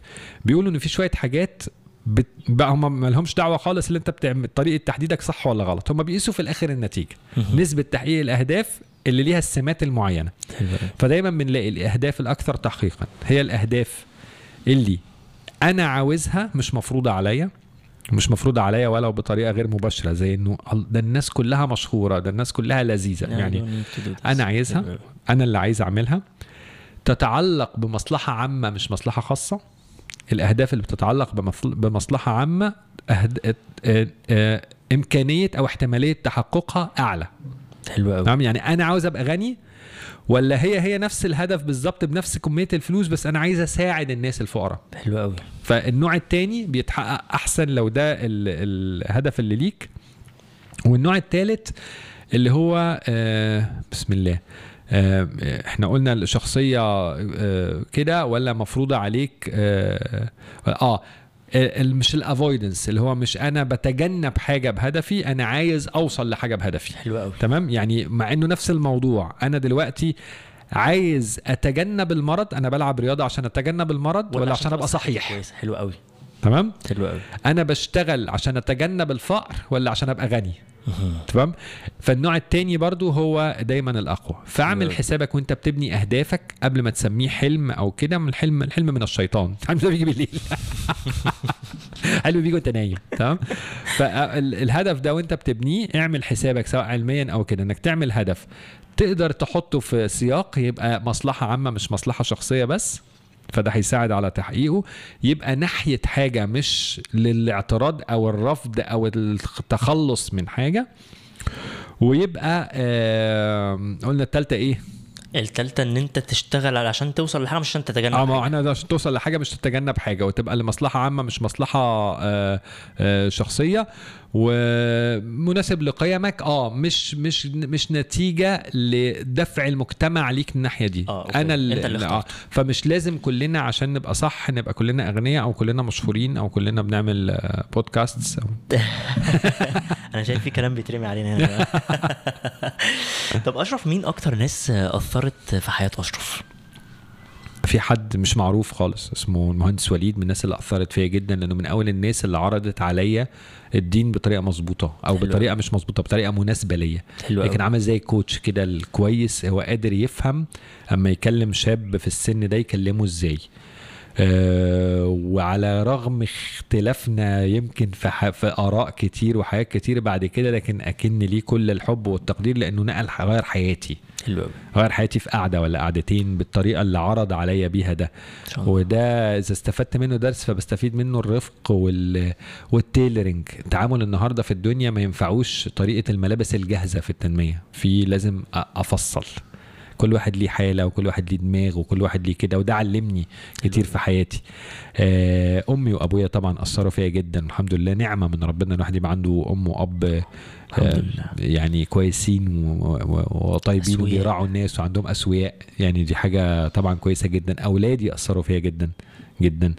آم، ليا مديرين أثروا فيا جدا من الناس اللي بقرا لهم آه، دكتور وين داير أثر فيا جدا روبن شارما أثر فيا جدا. آه، آه، مصطفى صادق الرافعي أثر فيا جدا. كل واحد في حتة وكل واحد في في جانب. في جانب.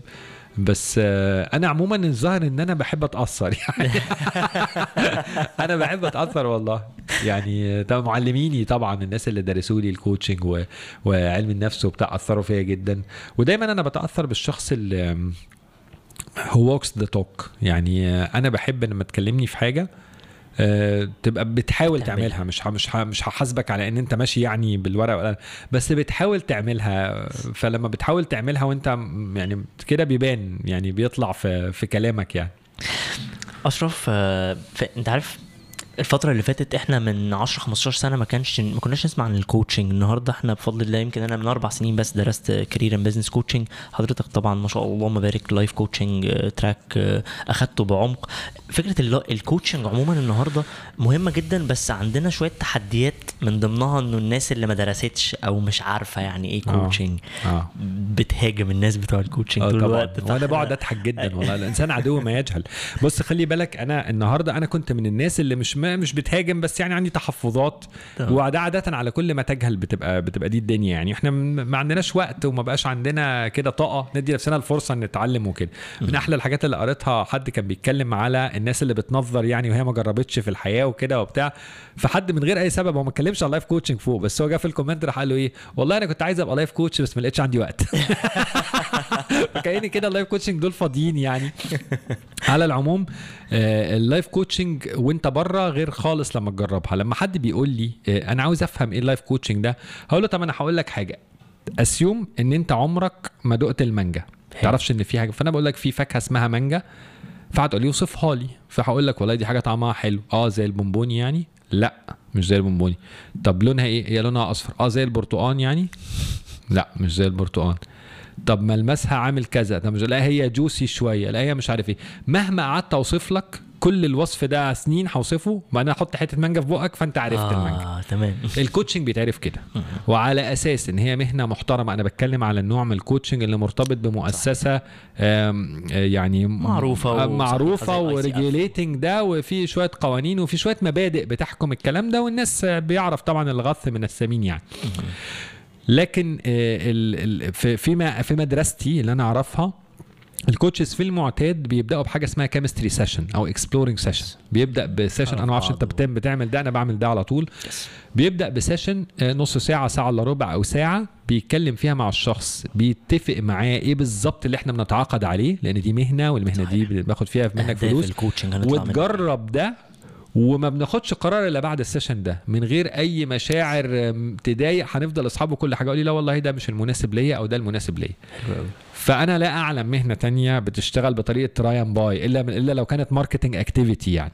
ف... فده آه، الحمد لله ال coaching مهنة عند الوث... عند الكويسين فيها. فيها ثقة لدرجة إن أنا بقول لك جرب وكده وأنا ببسط جدا. في ناس بتستفيد جدا من ال session ده و50% ما بيرجعوش. هم استفادوا خلاص وخدوا الفايدة أو لقوا إن ده مش مناسب ليهم فعلا فإحنا متفقين. فالناس بتتخيل إن أنا لما أعمل فيديو أنا بطلت قوي الفيديوهات دلوقتي مش قوي دلوقتي بكتب أكتر بس سواء بكتب أو أعمل فيديو أو كده حصل لي إن أنا فوجئت بإن الناس بتتكلم معايا على إن هم يجوا عاوزين session مع حضرتك. أقول له والله أنا دلوقتي مش فاضي بس ممكن أرشح لك كذا. أو عاوز career. فأقول له والله أرشح لك أحمد شاهين أنا مش بتاع career. فيقول لا لا أنا عاجبني حضرتك. ليه؟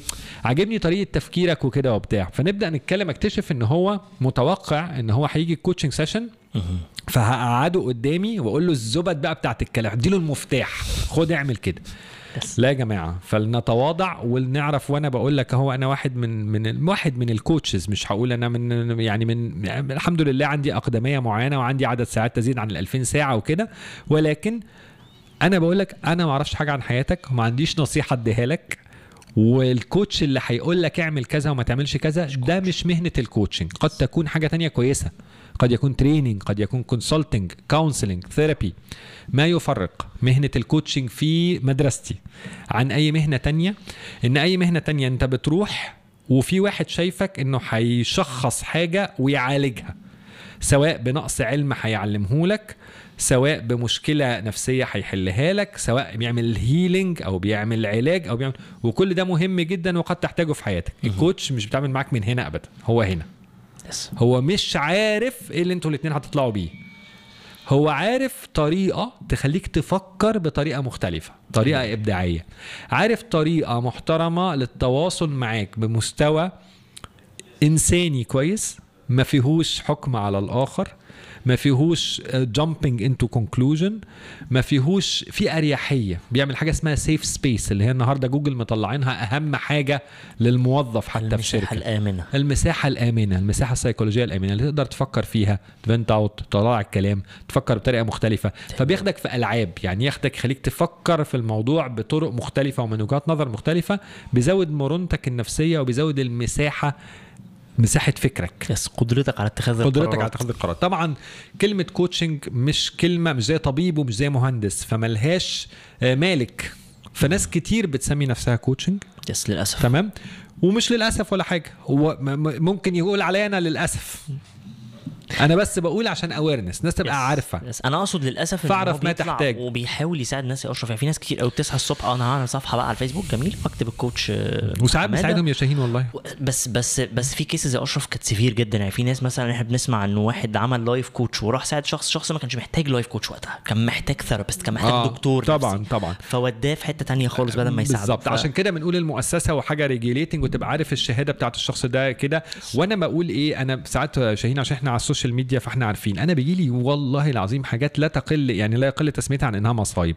حضرتك أنا كان أصلي عندي علاقة بجوزي وتا تا تا تا يخرب بعقلك. أنت تعرفيني.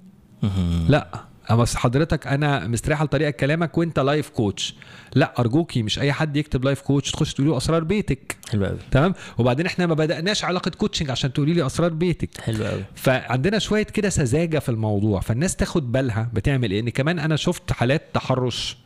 وحالات كده. فيا جماعة ال life coach خصوصا من جنس مختلف مش هيطلب من حضرتك أو مش هتطلب من حضرتك إنك تقابلها في مكان مقفول. حلو قوي ال life coaching ما فيهوش لمس. ال life coaching ما فيهوش قعده آه، آه، تكون مش مريحاك. حلو قوي ال life coaching ما فيهوش احتياج لإن أنا آه، أغمض عيني وأعمل مش يعني أرجوكم. في آه ف والصفحات موجودة بتاعت ال life coaches الكويسين المعروفين. ابعتوا اسألوهم لو لقيت إن حاجة عاملة كده وحاول ت interview ال coach بتاعك. أنا دايما بقول للناس كده ال coach ده مهنة أنا بعينك تبقى ال coach بتاعي. interview me اسألني إيه تجربتك في الحياة بتشتغل الشغلانة دي بناء عن إيه؟ إيه اللي أنت اتعلمته؟ إيه اللي أنت اتعلمته؟ ساعدت كام شخص؟ حلو قوي اسألني لأن أنت بتعيني وبتديني فلوس. صحيح. تمام؟ صحيح. فال coaching عبارة عن علاقة محفزة للفكر والإبداع خدمة صعب قوي شرحها إلا إن حضرتك تجربها وتجربتها متاحة لأن معظم ال coaches الكويسين بيشتغلوا بطريقة ساعات مجانية ICF بيعملوا حاجات آه، مجانية ساعات في الجامعات وكده هتلاقي سكة يعني إنك تتفرج عليها أو تعرفها ملهاش أي علاقة بالعلاج ملهاش أي علاقة بإن أنا عندي مشكلة نفسية ملهاش أي علاقة بال بإن أنا هصلح فيك حاجة ملهاش علاقة بالنصيحة. حلو قوي. آه، ملهاش علاقة بال counseling ملهاش علاقة بال consultancy انت عارف يا اشرف انت وانت بتقول حالا counseling و mentoring ويعني أول session في في ال train the trainer اللي أنا بعمله بتاع تدريب المدربين أول يوم خالص بعد ما بنتعلم شوية حاجات كده ليها علاقة بالنظريات الأساسية في مجال التدريب وهكذا بنقول للناس إيه بقى اللي training وإيه اللي مش training وإيه اللي يعني إيه coaching ويعني إيه؟ آه. عشان أنت داخل تخش تحت ال umbrella أو المظلة بتاعة التعليم. مهم تبقى عارف أنت بتعمل إيه وبتروح فين. طبعا طب أشرف إحنا إحنا طولنا عليك صح؟ أنت تعبت. أنا يعني استمتعت. بعض المتعة متعبة. يعني تعب آه آه يعني ده يعني, يعني. بس يعني فاهم؟ بس أخدت ب- يعني أخدت بالثمن ربنا يحفظك ربنا رب. يبارك فيك. طب إحنا أشرف إحنا خلاص قربنا نخلص وبننهي الحلقة ب- بسؤالين. تمام. آه حاجة ما حدش يعرفها عن أشرف. ويا بقى لو زوجتك بتتفرج على الحلقة وكانت أول مرة تسمع الحاجة. يا سلام بقى أنا في لا أنا راجل صريح قوي مع مع زوجتي فهتبقى عارفة عني كل حاجة فده ما الله، توقعنيش في. الحتة دي. ولكن ممكن أقول لك حاجات الناس عموما ما يعرفوهاش أو يمكن أولادي ما سمعوهاش كتير أو يعني ممكن ناس قريبة ليا ما تعرفهاش. أو ناس قريبة ليا في الوضع الحالي ما تعرفهاش. لو عايز أقول لك أسرار يعني عايزني أقول لك أسرار وما ما يبقاش فيها أي نوع من أنواع الدعوة لأي حاجة أو كده يعني. آه، لكن دي تجربة مجرد تجربة شخصية. إن أنا جاي من background وأنا شاب كنت فاسد جدا. يعني مش كنت شقي لا كنت فاسد يعني بكل التعريفات. آه، فعندي آه، تاريخ آه، في آه، حاجات ممكن تبقى من الناس اللي أنت مش ممكن تعرفهم. وبغض النظر عن فوائد التاريخ ده انها ساعدتني أقف مواقف في حياتي يمكن كنت خلاص اتعودت عليها أو اتهرست فيها أو كده كنت محتاجها. بس علمني حاجة مهمة قوي يا شاهين خلاني النهارده بالذات في مهنة الكوتشنج أبقى أبقى تبقى أقرب ليا الفكرة يعني. إن أنا علمني ما أحكمش على الناس. لأني لو الحكم ده حكم جائز فأنا كنت أستحق ساعتها الحكم ده وأنا أكتر واحد كنت أستحق الحكم ده وبتاع. ومع ذلك ربنا شاف فيا بذرة حاجة أحسن ف... ف... فت... ف... فحياتي اتغيرت. فما تحكمش على حد على الأقل ما تحكمش إن الناس لا يمكن تتغير. يعني أنا ما أقدرش النهارده عندي تفتح ذهني لحتة الناس ممكن تتغير لأني اتغيرت. اتغيرت من جوايا حتى. حتى نظرتي للحياة يعني في يوم من الأيام كان نظرتي تشاؤمية جدا للحياة ساخرة جدا من الحياة وكده. فده واحد من الأسرار. السر التاني إن أنا آه، أسلمت أو اعتنقت دين سنة 96 آه آه. ده سر أنا شخصيا ما آه آه آه. ما مش بق... مش بقوله كتير بس أنا يعني يعني أنا مع لو أنا بكلمك على حقيقة الأمر طبعا شكلي أنا وبطاقتي وكده راجل تمام ومسلم وكده. بس اللي أنا عارفه عن نفسي إن أنا في اليوم ده اللي أنا فاكره كويس جدا في شهر 11 في أو أو 12 في سنة 96 بعد ما عادت المهندس وليد دي روحت اغتسلت وتشهدت ودخلت الدين. ف فقبل كده ما بعتبرش نفسي كنت مسلم آه يعني لا بالفكر ولا بالإحساس ولا بال يعني أنا أنا مجاري ال- الدنيا يعني. ف... فدي حاجة precious عليا وعشان كده أنا بحب دايما آم، م... لا الحمد لله إن شاء الله مش هتكسف منها مع أنا مش رجل دين مثلا ولا بشتغل في الدعوة ولا كده. بس حاسس إنها لازم عندي مسؤولية إن أنا أقول إن يعني ده أنا يا جماعة وده مربوط بكل حاجة في حياتي و...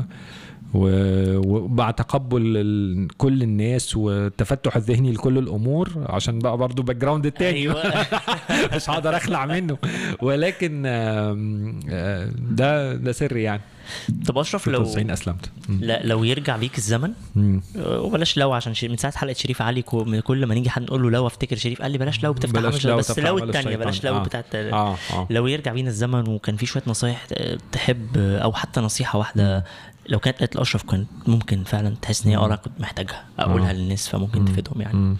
آه والله الحاجة اللي أنا أحب أحب أعملها وكنت أعملها مع أولادي آه يمكن بصورة أكتر من كده أو أبدر من كده أو كده هو إن أنا أتعلم آه عقيدتي يعني أتعلم العقيدة وأتعلم آه يعني اتعلمت اتعلمت متأخر شوية والحمد لله ممكن ده يكون مش متأخر ده الوقت اللي ربنا أراده يعني بس التربية في الصغر على ده من الحاجات الكويسة قوي اللي أنا كنت أحب إنها تحصل لي أو أحب إن أنا يعني لو استخدم لو استخدمت من أمري ما استدبرت يعني زي ما بيقولوا والنهاردة بعيد الحقيقة هعمل ده بدري بغض النظر عن يمكن الأحسن منظومة هو اللي حصل لي. سبحان الله. ولكن الحتة دي هتفرق الحتة دي الحتة دي كانت هتفرق معايا. آه إيه تاني؟ لا مفيش حاجة تانية. يعني ما كنت هعمل كل الحاجات إن شاء الله. أشرف هترجع تعمل فيديوهات تاني إمتى على اليوتيوب؟ مش متأكد يا شاهين. يعني مش حاسس يعني أنا ما أصل أنا عمري ما كنت content producer يعني. أنا كنت بحس بحاجة بعملها وكده وبتاع ده ولا و- أنا. وجا- آه. جالي وقت جالي وقت حسيت إن أنا عاوز أكتب أكتر شوية. حلو وجالي وقت حسيت إن أنا مش عايز الاثنين وعايز أحرر نفسي من ال- من الفكرة يعني. احتمال أعمل احتمال أعمل حاجة لو حسيت بس مش عايز أوعد ومش عايز أقول الكلام ده وحاسس إن أنا مش سايب فراغ. فاهم قصدي؟ أشرف أنا بحبك قوي والله ربنا. يبارك فيك ربنا يكرمك أنت أنت لمستني ان أنا كنت لسه في بودكاست عند أحمد أبو زيد بنتكلم أنا بقى اللي كنت مستضاف اللي كانت أول آه، مرة آه، استضاف في آه. بودكاست يعني فبيقول لي أنت و YouTuber ومش عارف ثانية واحدة آه. أنا مش YouTuber آه فاتبسطت إنه في حد بيقول كده يعني آه أنا مش أنا بقالي ست آه. شهور ما بنزلش فيديوهات على آه يوتيوب ف... فحلو إن أنت تبقى الرضا بإن أنا أنا بعمل إيه دلوقتي ومش محتاج أعمل ده دلوقتي صح. ومش قادر أعمل ده آه، آه. دلوقتي وهممني إن أنا يكون ال- ال- ال quality بتاعت الحاجة وعمقها وال richness بتاعتها مهمة ومفيدة بجد يعني فاهم فأنا حلقة زي دي فيها حوار وكده آه، معاك وما شاء الله يعني ال- المستوى بتاع ده ومتفرجين الحاجات دي هو ده اللي أحب أبقى فيه أكتر من إن أنا أقول حاجة وخلاص عشان أبقى موجود يعني أشرف شرفتنا ونورتنا وبسطتنا و... وبجد أنا مبسوط وشرف ليا إن أنت كنت معايا في الحلقة والله ربنا يخليك. وأنا والله اتشرفت واتنورت واتبسطت جدا بوجودي معاكم. ربنا يحفظك يا رب. نحب نشكر كل الناس اللي اتفرجوا علينا على يوتيوب ويسمعونا على كل برامج البودكاست. ما تنسوش تفعلوا الجرس في القناتين عندي وعند أشرف هتلاقوا القناة بتاعت أشرف تحت الفيديو. ومتشكرين جدا ليكم. ونشوفكم ما تنسوش آه، تكتبوا لنا في في التعليقات حابين مين يشرفنا في الحلقات اللي جاية. نشوفكم على خير. السلام عليكم